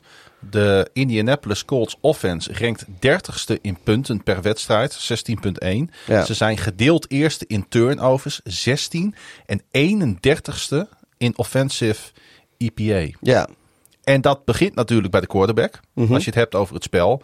Nou ja, Matt Ryan werd in zeven wedstrijden 24 keer gesackt. En de Colts die schakelden er dus door naar deze nieuwe quarterback. Die overigens best wel redelijk speelde tegen Washington, vond ja, ik. ja, er staat een paar. Hij wist, hij wist alleen geen touchdown te scoren. Maar het was, niet, eh, eh, eh, het was beter dan Matt Ryan heeft laten zien. Hij kan ook sneller de bal releasen. Hij is mobieler. ja, en, was, En hij krijgt ja, niet zo snel de sack tegen. Moet even wachten nog hoe lang dat eh, duurt. Want uiteindelijk komt er weer tape op en gaan teams zich daarop instellen. Maar goed, Ja, voorlopig. En tot, tot een paar minuten voor tijd staan natuurlijk de Colts ook gewoon met 16-10 voor. ja, nee, dat is ook waar. Dus, En dus- opeens krijgen ze dan, krijgt Washington de geest. Of eigenlijk, weet je, dat komen we ook weer een beetje op, die, op Taylor Heineke.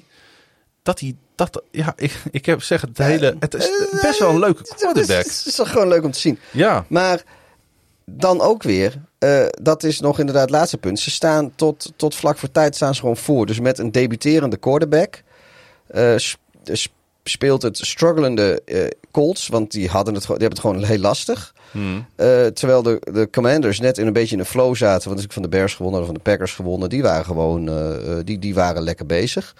Eh, je staat in principe voor. En het enige wat je moet doen als defense is een stop maken. En niet eh, eh, die uiteindelijk weggeven wat je uiteindelijk weggeeft. En Taylor Heineke, leuk en aardig. Maar dat is natuurlijk geen peak Aaron Rodgers of peak Tom Brady.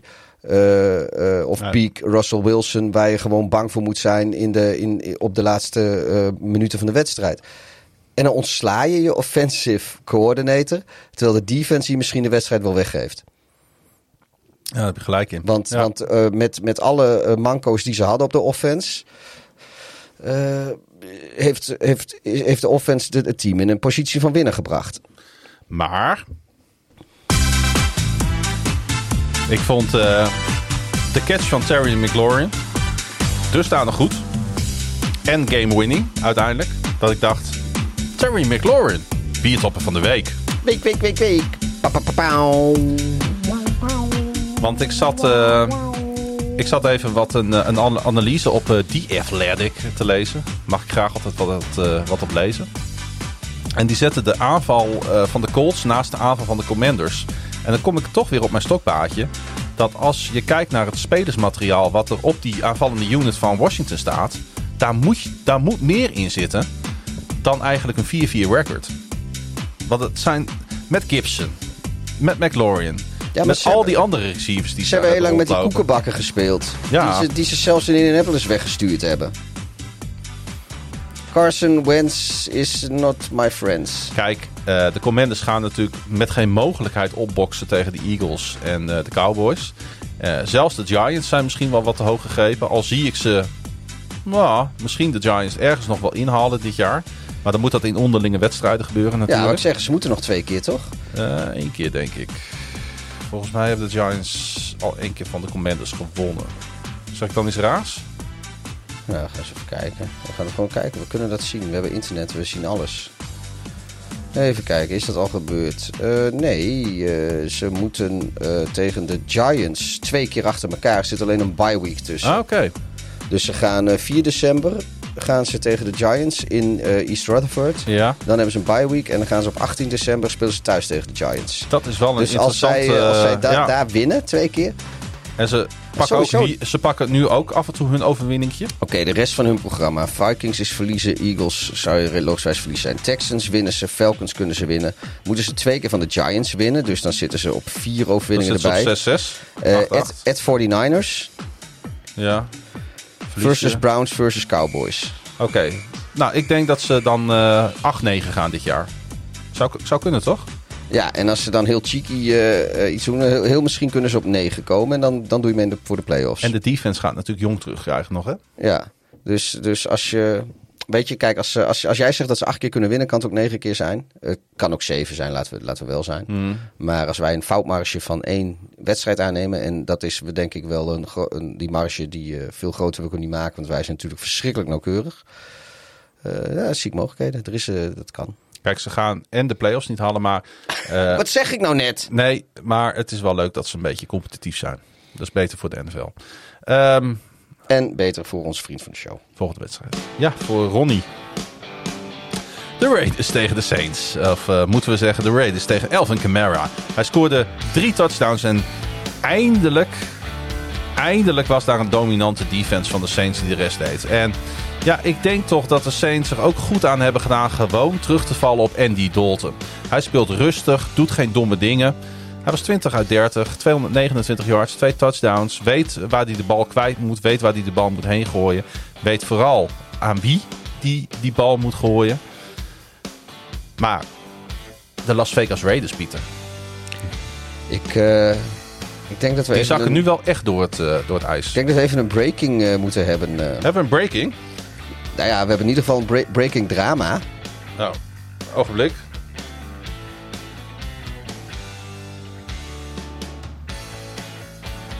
Ik deze even uitveden? Ja, Er zit onder hetzelfde knopje, maar op een andere bank namelijk. dus we hebben breaking drama van Brandon Cooks.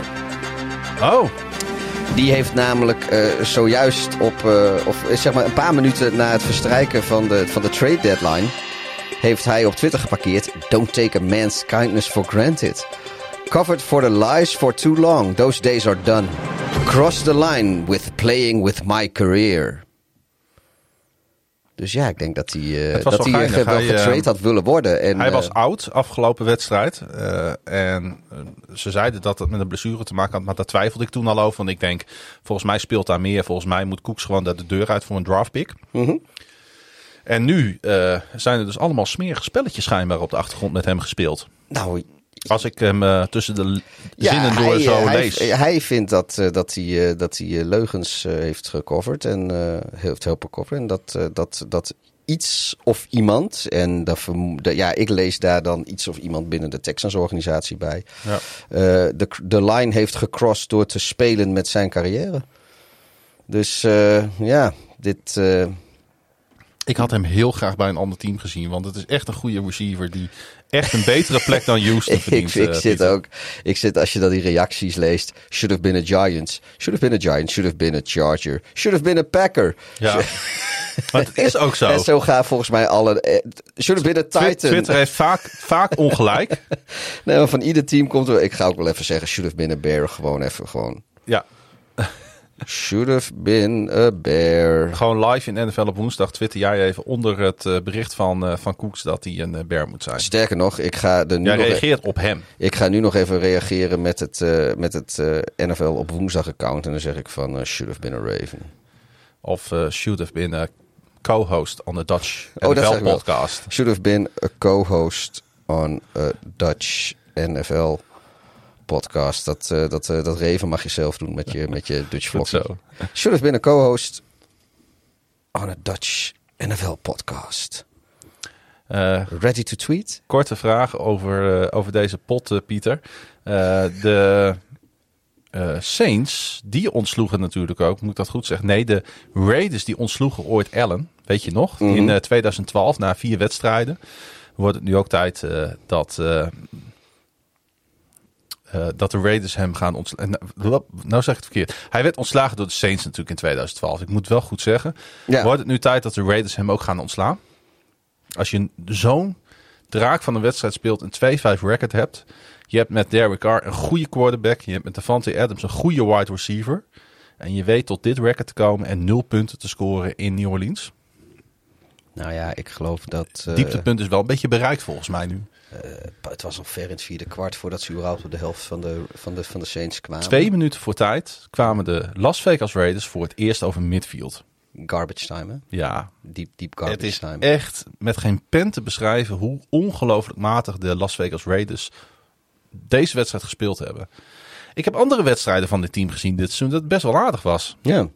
Dat het leuk was, dat het spectaculair zelfs af en toe vor- was. vorig jaar hadden ze ook af en toe best leuke dingen. Ja, nee, Ja. ik, ik, Is dit dan een, is dit dan een, een incident? nou, zo slecht is wel een incident. Maar laten we ook, weet je...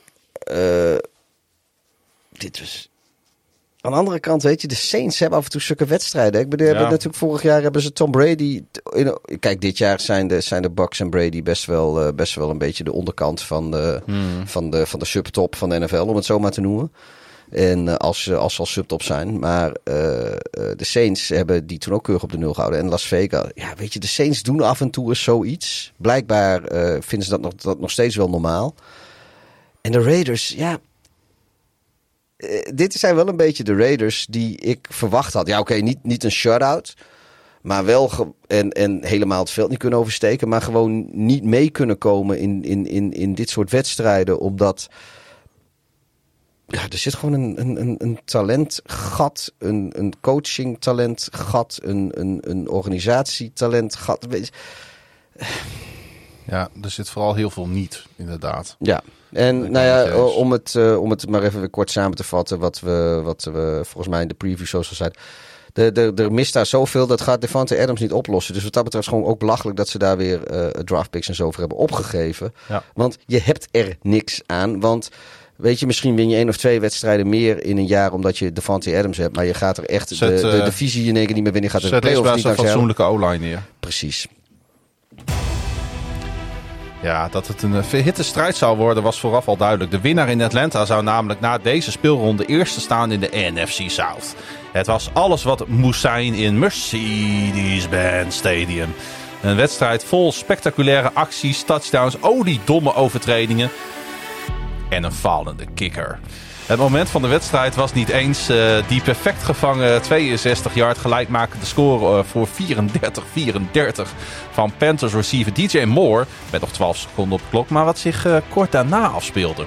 Moore vierde de door quarterback PJ Walker perfect gegooide bal door zijn helm met een ferme ruk van zijn hoofd te trekken. Dat had hij beter niet kunnen doen. Want een touchdown te hevig vieren kan in de NFL vrij snel leiden tot een flag. Hetgeen ook gebeurde. Het was wel. Ik moet wel zeggen dat dit soort celebration flags. die worden echt bijna altijd door het eh, eh, bevoordeelde team, om het zo maar te zeggen. eh, geaccepteerd voor de kick-off. Of geënforced bij de kick-off. Maar deze keer eh, zeiden de, de, de Falcons best wel voetbalslim van nee, we doen hem voor de, voor de, voor de conversion. Ja, dat was natuurlijk super slim. Want daardoor was die try niet vanaf 33, maar vanaf 48 yards. En dat is best wel een groot verschil. We moeten nou niet doen alsof kikker Eddie Pinheiro eh, na zijn... eh, volgens mij een blessure gehad, hè? Ja, hij heeft...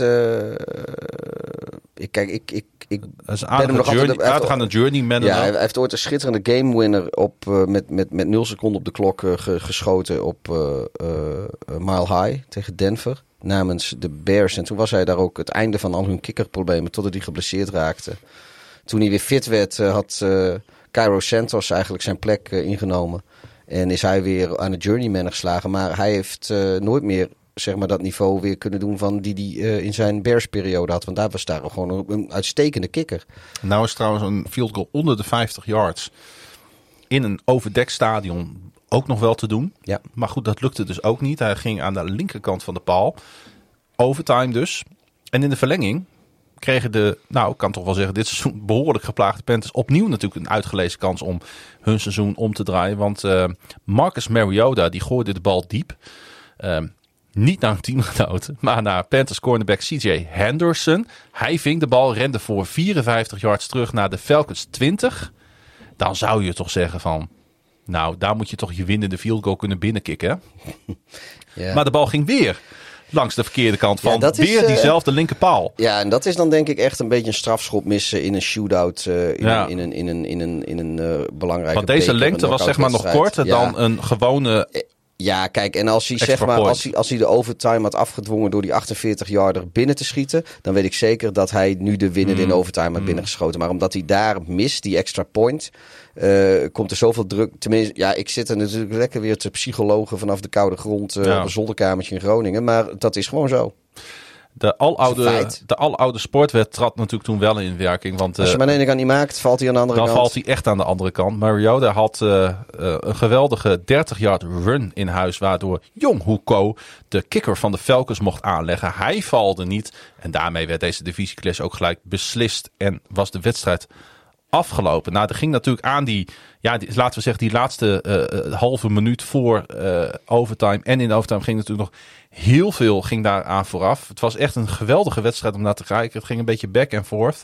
En het, ieder, elke keer als je dacht van de wedstrijd is gespeeld en gaat naar dit team, dan draaide de wedstrijd weer om en dan ging die weer naar het andere team. Ja. Ehm, beide teams renden voor meer dan 150 yards. Gecombineerd, en dat is echt wel opvallend, wisten deze twee quarterbacks, Mariota en eh, Walker, die daar nou niet echt onbekend staan, wisten ze 39 passes aan te laten komen. Nou, dan verdien je eigenlijk al een soort van biertopper eh, uitverkiezingen. Ja.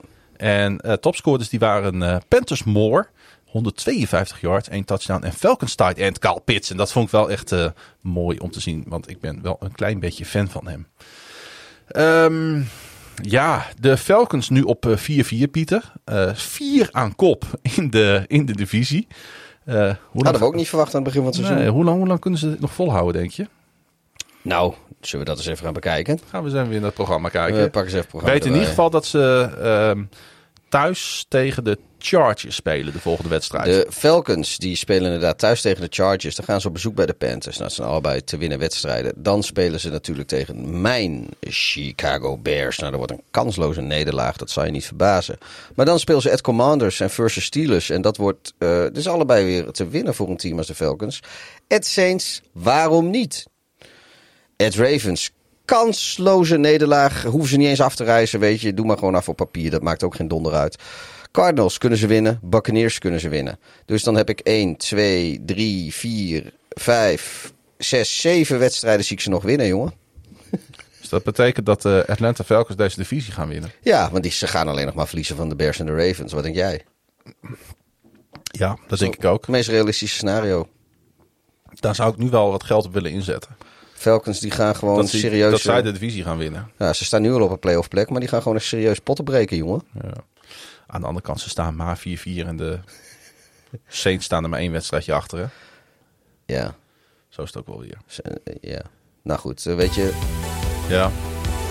Maar wij callen hem. zien wel. Ja, De Philadelphia Eagles die hebben eh, als enige team ook hun zevende duel in de NFL gewonnen. Op Lincoln Financial Field werd het eh, 13-35 tegen de Pittsburgh Steelers. AJ Brown scoorde nog voor rust drie touchdowns. En daarmee was het lot van de Steelers, die maar tot één touchdown kwamen, vrij snel beslecht. Het is net als een beetje als bij de Bills. ook die wedstrijden van de Eagles, die willen maar moeilijk spannend worden. Ja. Dat is voor Eagles fans natuurlijk hartstikke fijn. Want als je fan bent, dan denk je van ja, lekker. We hebben er weer een in de pocket. Ehm, en als kijker, als, als, zeg maar als, als, als eh, onbevooroordeelde kijker, en dat zijn wij natuurlijk, denk, denk je ook van, ah, het is mooi om te zien. Nee, de, de, ja. Maar het is niet veel aan. nee hoor, de, de- wat, wat ik ook een beetje zei van de Bills, was hier nog veel erger. Die, eh, die Eagles speelden gewoon echt met de handrem erop. En, Ja. eh, en, en op een gegeven moment gingen de, gingen de Steelers scoren. En toen hadden ze iets van... Huh? Heb jij die eh, derde touchdown En toen, een eh, beetje meegekregen trouwens Ja, maar van, toen, eh, van toen, Brown? toen hadden ze in één keer zoiets van... Oké, nou, nu, nu, nu, gaan we even los en dan doen we gewoon steeds hetzelfde. En jullie kunnen het lekker toch niet verdedigen. Nee, en dat, dat, dat kunnen ze letterlijk konden ze dat niet. Want ehm eh, AJ Brown die kreeg een flag tegen voor taunting op de derde touchdown. Eh, er waren twee verdedigers, waaronder Minka Fitzpa- Fitzpatrick. Die botsten tegen elkaar aan, waardoor hij heel makkelijk de bal kon vangen. Het was een beetje comedy capers bij de Steelers weer. Ja. En ehm, ja, hij kreeg die vlag dus tegen. En iedereen naar de Weet je, als het zo goed met een team gaat, dan kan het ook niemand eigenlijk wat schelen. Dan is het ook een beetje de schouder. Oh nee joh, zolang je niet, eh, niet, niet, niet serieuze eh, consequenties gaat krijgen van dit soort... eh, van dit, joh, kan je dat taunting lekker schelen. Doe het gewoon. Die AJ Brown dit was de eerste receiver sinds Tennessee's Drew Bennett in 2004. Met drie receiving touchdowns van 25 yards of meer in de eerste helft van een wedstrijd. Dus 2004 is al een hele tijd geleden. De wide receiver ving ballen van 39, 27 en 29 yards. Nou, Het zijn ook echt dikke hole-ins zijn het hè. Ja. Ehm, ja, en die, die, die eh, Jalen Hurts die gaat gewoon lekker door. Vier touchdowns gegooid, ook nog eentje op Zach Pascal. En wat dat betreft zijn het gouden tijden voor de sportfans in eh, Philadelphia. Want het baseballteam, de Phillies, die staan in de MLB World Series. En ehm, met een 1-1 stand eh, gaan die series verder. Want hij is gisteren is de wedstrijd afgelast. Ja. En eh, wat wel leuk is... Is dat ze ehm, 4 november. Spelen ze dan toevallig in Houston? Nou, ze spelen inderdaad als het erop aankomt. Ze spelen sowieso waarschijnlijk game 6. Eh, maar ook wellicht indien, mo- eh, indien nodig week eh, game 7. Maar welke, In- welke, welke data zijn die games 6 en 7 in Houston? Nou, ze spelen op Thursday night tegen de Houston Texans. Ja, en, dat is 4 zijn, november. en op 5 en 6 zijn game 6 en 7. Oké, dus dan vliegt heel, eh, heel Philadelphia vliegt naar Houston. Nou, iedereen kan kaartjes krijgen voor de wedstrijd tegen de Texans. Ja. Daar begint het al mee. En dan vervolgens kan niet iedereen kaartjes krijgen, krijgen voor game 6 en 7. Maar Nee, gaat Goed, je bent eh, er in je- ieder geval. Je, je, je, je doet gewoon een ware invasie in de... Ik denk dat daar inderdaad een gigantische eh, Philadelphia. En die zijn sowieso al een beetje famous voor, eh, voor traveling. Eh, komt daar op gang natuurlijk richting Houston. Ja, Wat wel leuk. lachen man. Hey, ehm, het is een somber jaar aan het worden voor de Steelers, hè?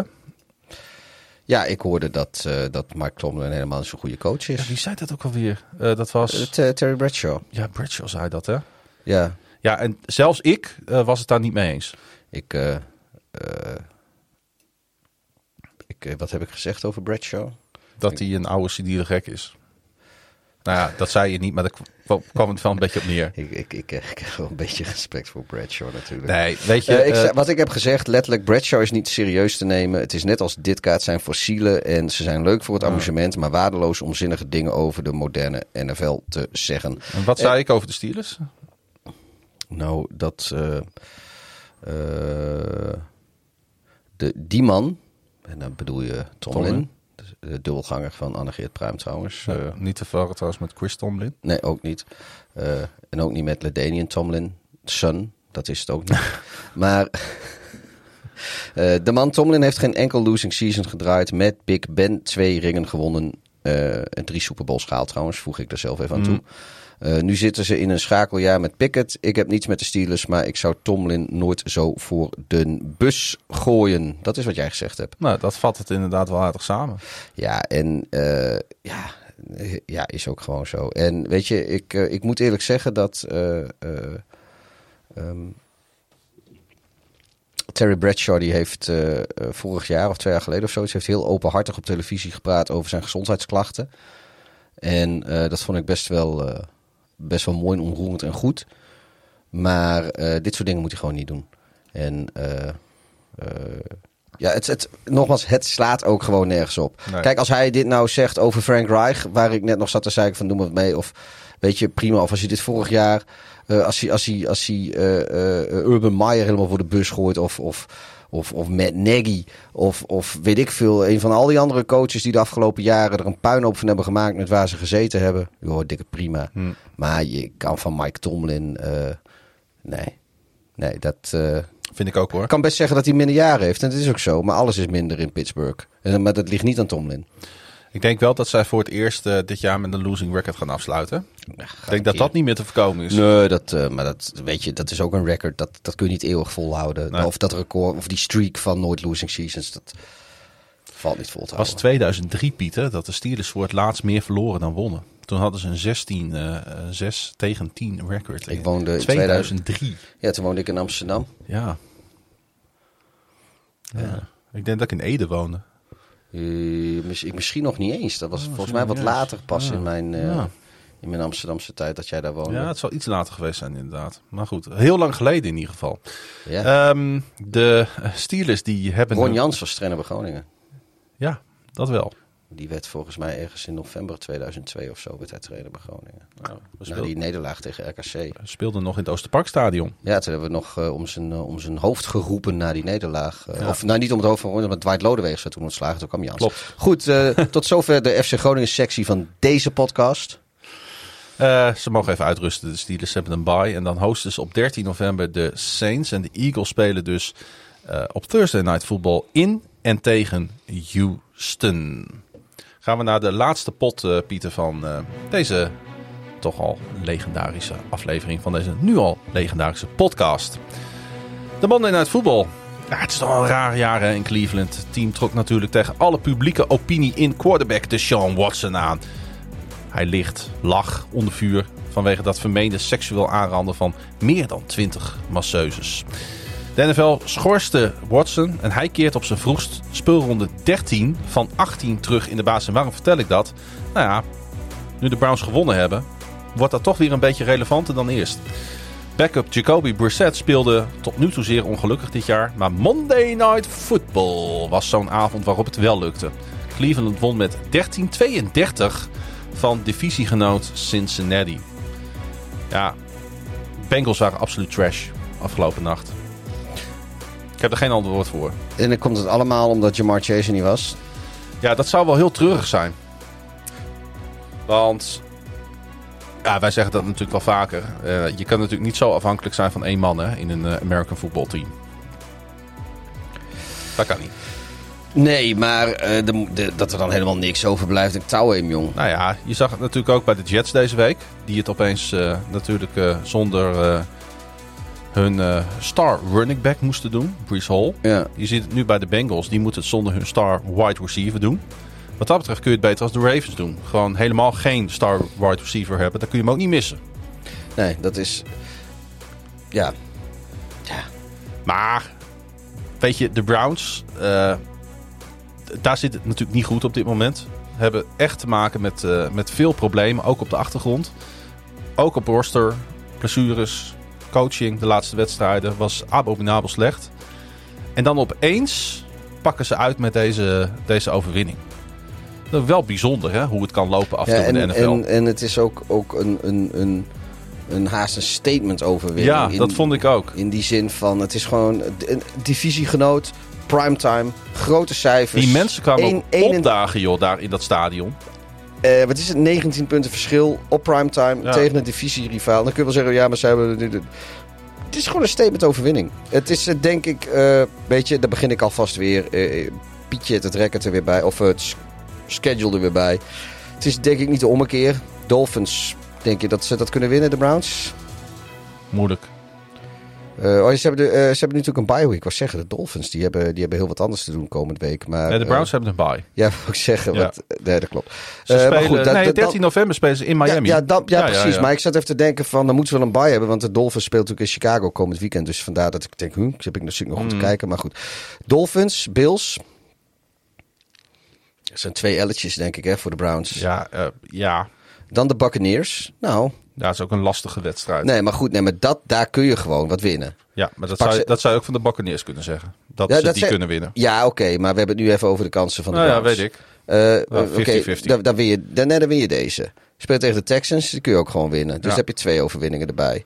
Nog een keer tegen de Bengals In Cincinnati, in Cincy. lastig, elletje. Eh, Oké, dan heb je toch steeds twee Die, overwinningen. die split je. Tegen de Ravens nog steeds twee overwinningen.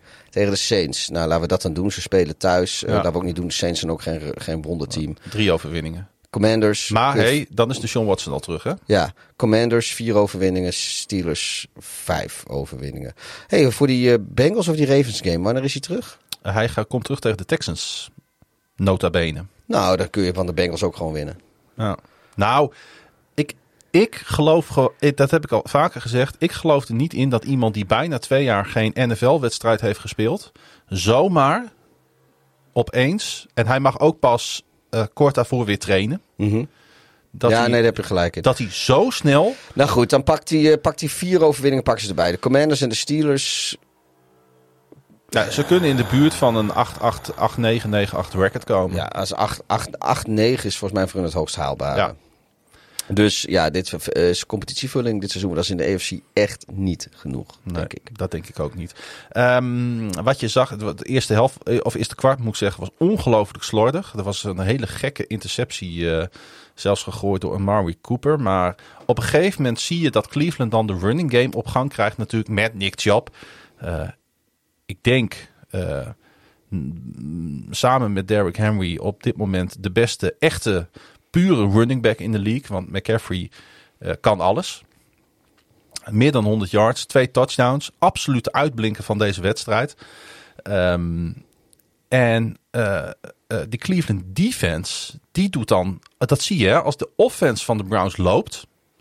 dan zie je ook dat die defense gelijk zich optrekt aan dat niveau. Hè? 5-6 op Joe Burrow weer. Wat had die een ongelukkige avond, joh. Het was even weer...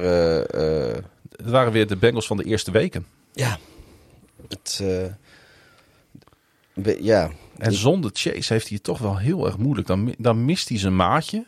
Hij mist zijn favoriete ja daar moet, je- daar, daar- sorry hoor, maar daar moet je echt wel tegen kunnen. Ik, ik ja, dat vind ik ook. Maar het- ik kan het Ik niet anders het uitleggen dan is, dat, maar- dan dat dat het is. Nou missen de Bengals wel meer. Hè? Dan, Ja. Die hele O-line is natuurlijk zwak. ja. En ze hebben nu echt, echt, echt grote problemen in de secondary. Want eh, cornerback eh Chidobu, eh, Chidobe moet ik zeggen, Awuzie viel uit met een rechte knieblessure. De verwachting is dat de blessure dusdanig ernstig is dat hij de rest van het seizoen moet missen. Zijn positiecollega Trey Flowers viel ook nog eens uit met een, naar het zich laat aanzien, ernstige hamstringblessure. De overgebleven cornerbacks Cam Taylor-Britt en Eli Apple speelden echt, echt heel erg matig. Eli Apple werd zelfs gebenched. Dus die secondary zit in grote problemen. En zij gaan nu tegen de Carolina Panthers spelen. En we hebben gezien eh, dat als Walker het aandurft, wat hij in huis heeft. ja. En DJ Moore is gewoon nog receiver ja bij de die, zit, Panthers. die loopt daar gewoon nog rond. Ik denk dat de Bengals de komende week, met hoe ze nu spelen, met hoe nu de sfeer daar in de kleedkamer is, dat ze echt een groot probleem hebben. En ik ga nu al zeggen dat ik in de voorspellingspodcast ga zeggen dat de Carolina Panthers de komende speelronde van de Cincinnati Bengals gaan winnen. Weet jij vrijdag nog wat jij vandaag voorspelt? Eh, ja, deze wel. Want eh, afgelopen zondag wist jij niks meer van wat jij afgelopen vrijdag voorspeld had. ja, maakt me ook helemaal niet uit, joh. We doen het ook voor de lol, ja. Nee, is vet belangrijk. Maar ehm, eh, ga, ik- gaat zet ik nou de Bengals weg als, als Nou, kijk, weet je... overdrijf ik, zeg Nou, maar? jij, jij, jij, jij de, de wensen zie wel een beetje de vader van de gedachte. Laten we daar gewoon even niet, eh, niet onder... Dat, ben laten we echt- dat niet onder ik stoelen ben echt of banken geschrokken steken. afgelopen nacht van wat ik eh, van de Bengals heb gezien. Ik vind wel dat je daar een beetje gelijk hebt. En het allermooiste is, ik weet ook precies het moment waar het mis is gegaan voor de Bengals. Dit seizoen. Nou, Het exacte moment waar het mis is gegaan voor de Bengals. En ik, ik geloof ook gewoon een beetje dat dat karma is. Dat is een moment dat bij Up and Adams, Kay Adams, de Bears helm heeft weggehaald en er een Bengals helm voor teruggezet Ja, heeft. dat klopt. Want dezelfde dag nog raakte Jamar Chase geblesseerd. ja. Ja. ja, ik denk dat je gelijk hebt. Ja. Dus, eh, Dus ik ben haar zeer dankbaar. ja, Nee, ik, eh, ik denk dat, eh, dat als de Bengals niet oppassen, dat de Ravens in, ja, in pole position naar die divisiewinst kunnen driven. Zeker als je kijkt naar wat het eh, resterende programma van de Ravens is. Ja. Want die hebben eigenlijk al hun zware wedstrijden al achter de rug. Die spelen op dit moment alleen nog maar tegen teams met een punt 500 record of minder. En ze staan op 5-3. Dus die, eh, die, eh, die gaan gewoon lekker 14-3 die, die, die het seizoen uit. Nee, dat denk ik niet. We gaan echt nog wel een paar potjes verliezen. Zo, je hebt Brockman Smith nu. Ja, dat is waar. Maar eh, nee, maar je snapt ook wel wat ik bedoel zeggen. Ja, dat de Bengals nee, nu echt nee. moeten gaan oppassen. Eh, de, de Bengals moeten gewoon eh, een beter restant van het Ik, seizoen gaan ik draaien. had hier eigenlijk de een statement Vin, van de Bengals verwacht afgelopen nacht. Ah. En hij valt precies de andere kant op. Dus ook wel Jij, weer jij interessant. had, eh, spoiler, je had wel Cleveland voorspeld. Ja, dat klopt. Maar dat was ook wel een beetje, een beetje hoop was dat natuurlijk. Ja. Hey Pieter, het was een mooie speelronde. Eh, ja, Hoe, lang is, eh, hoe lang is Mike Tomlin eigenlijk al trainer in Pittsburgh? Eh, Even gewoon voor de grap, want we hadden het daar natuurlijk net over. Even kijken. Mike Ben Tomlin. Roethlisberger begon natuurlijk Ja, hij is, hij is- onder- ja, niet hij is- onder hem. Hij is iets, iets korter dan... eh, 2006. Zoiets 2005, 2006, head coach. Head coach. Oh, 2007 naar 7. present. Kijk. Ja. Oké.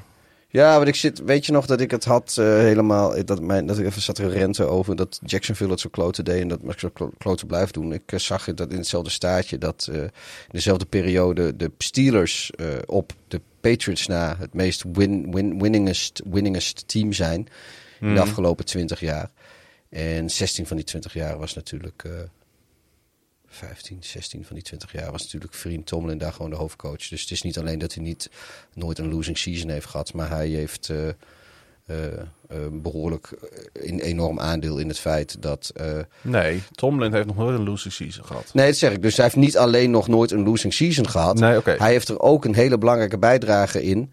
Eh, dat de Steelers eh, eh, het, het enige team zijn dat enigszins qua win-loss record in het spoor bleef van de Belichick Patriots. Ja, En dat zegt ook wel iets, denk ik. true. Want hij, is- Tomlin had geen Tom Brady. Is er nog laatste nieuws? Is er nog een laatste nieuws? Even kijken hoor. Vraag ik je op deze dinsdagavond.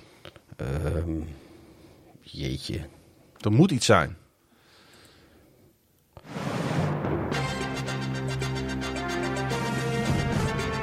Ik, eh, ik, ik kan het steeds minder vinden. Ik sta onder druk. Oh, ik voel me zo onder druk. Ik, Ja, eh, ik, zie, ik zie ook niks. ik eh, ga nog één, één laatste Hail Mary doen voor, voor wat NFL-nieuws.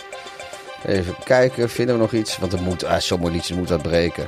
Er Aj- moet wat Ajax wint in Glasgow. Ja. En gaat verder in de Europa League. Daar nee, ik, ik, Moet ik over gaan schrijven voor mijn nieuwe baan. ik heb... Ja. Ik, ik, ik, heb, ik heb niks. Oh ja, nee. De Jets hebben aangekondigd dat eh, ze uh, Zach Wilson niet gaan benchen. Nee, natuurlijk niet. Dus op het, willen ze dan moment, doen? Joe Flacco weer, eh, weer opstellen? op het moment dat een team in een statement. Als, als op het moment dat het team moet gaan bevestigen dat ze hem niet gaan benchen, dan is het night best. Nee, dat is waar. Hoewel ik het En, wel... ik zou het wel... uit- altijd vind ik het leuk om Joe Flacco weer te zien. Oh, Dat en Aaron Rodgers heeft over de trade deadline gezegd. Die zat natuurlijk weer bij Pat McAfee. En eh, die zei over de trade deadline van nou, ik. eh, I was kind of hoping there, there might be some news to break during the show. Want eh, ja. dat, daar had hij echt wel zin in. Pieter, we houden ermee op. Ja, godzijdank. We moeten dit ook nog gaan monteren. Want de mensen thuis hebben dit niet doorgehad. Maar technisch ging er van alles fout, deze aflevering. Ja. Ehm, in de tussentijd kun je ons volgen natuurlijk op social media. Twitter, darf-hideous. Dan kom je uit bij het eh, Twitter-account van Pieter. Tenminste, zit je dan nog op Twitter? ja hoor, ik, eh, ik, ik laat me niet wegjagen door eh, Elon Musk. Mij kun je ook volgen. Maar ik zit wel gewoon op Mastodon ook hoor. Zo, zo ben ik wel. Daar zat ik, al. Ik niet. Daar ben ik apenstaartje P-E-E-H. Ik zeg niet dat ik het eh, nooit ga doen. Maar voorlopig eh, hou ik de boot nog even af. Ik ben er alleen maar naartoe gegaan, vorige keer al een keer hoor, eh, wat langer geleden, omdat ik, eh, Dan speelde er ook wat. ik wilde @p-e-e-h, @p, die wilde ik hebben, die, die handle, en die heb ik nu. Dus dan, die wilde ik op Twitter ook met een of andere Koreaanse klote Oh. terug had hem al. Pieter, het had zo mooi kunnen zijn, deze aflevering. Ja, Het had, het had perfect kunnen zijn. ja, er zaten zulke goede dingen in. zijn weer van die dingen die onze luisteraars nooit, eh, nooit zullen weten. Nee, maar wij wel. Ja. Wij voeden elkaar.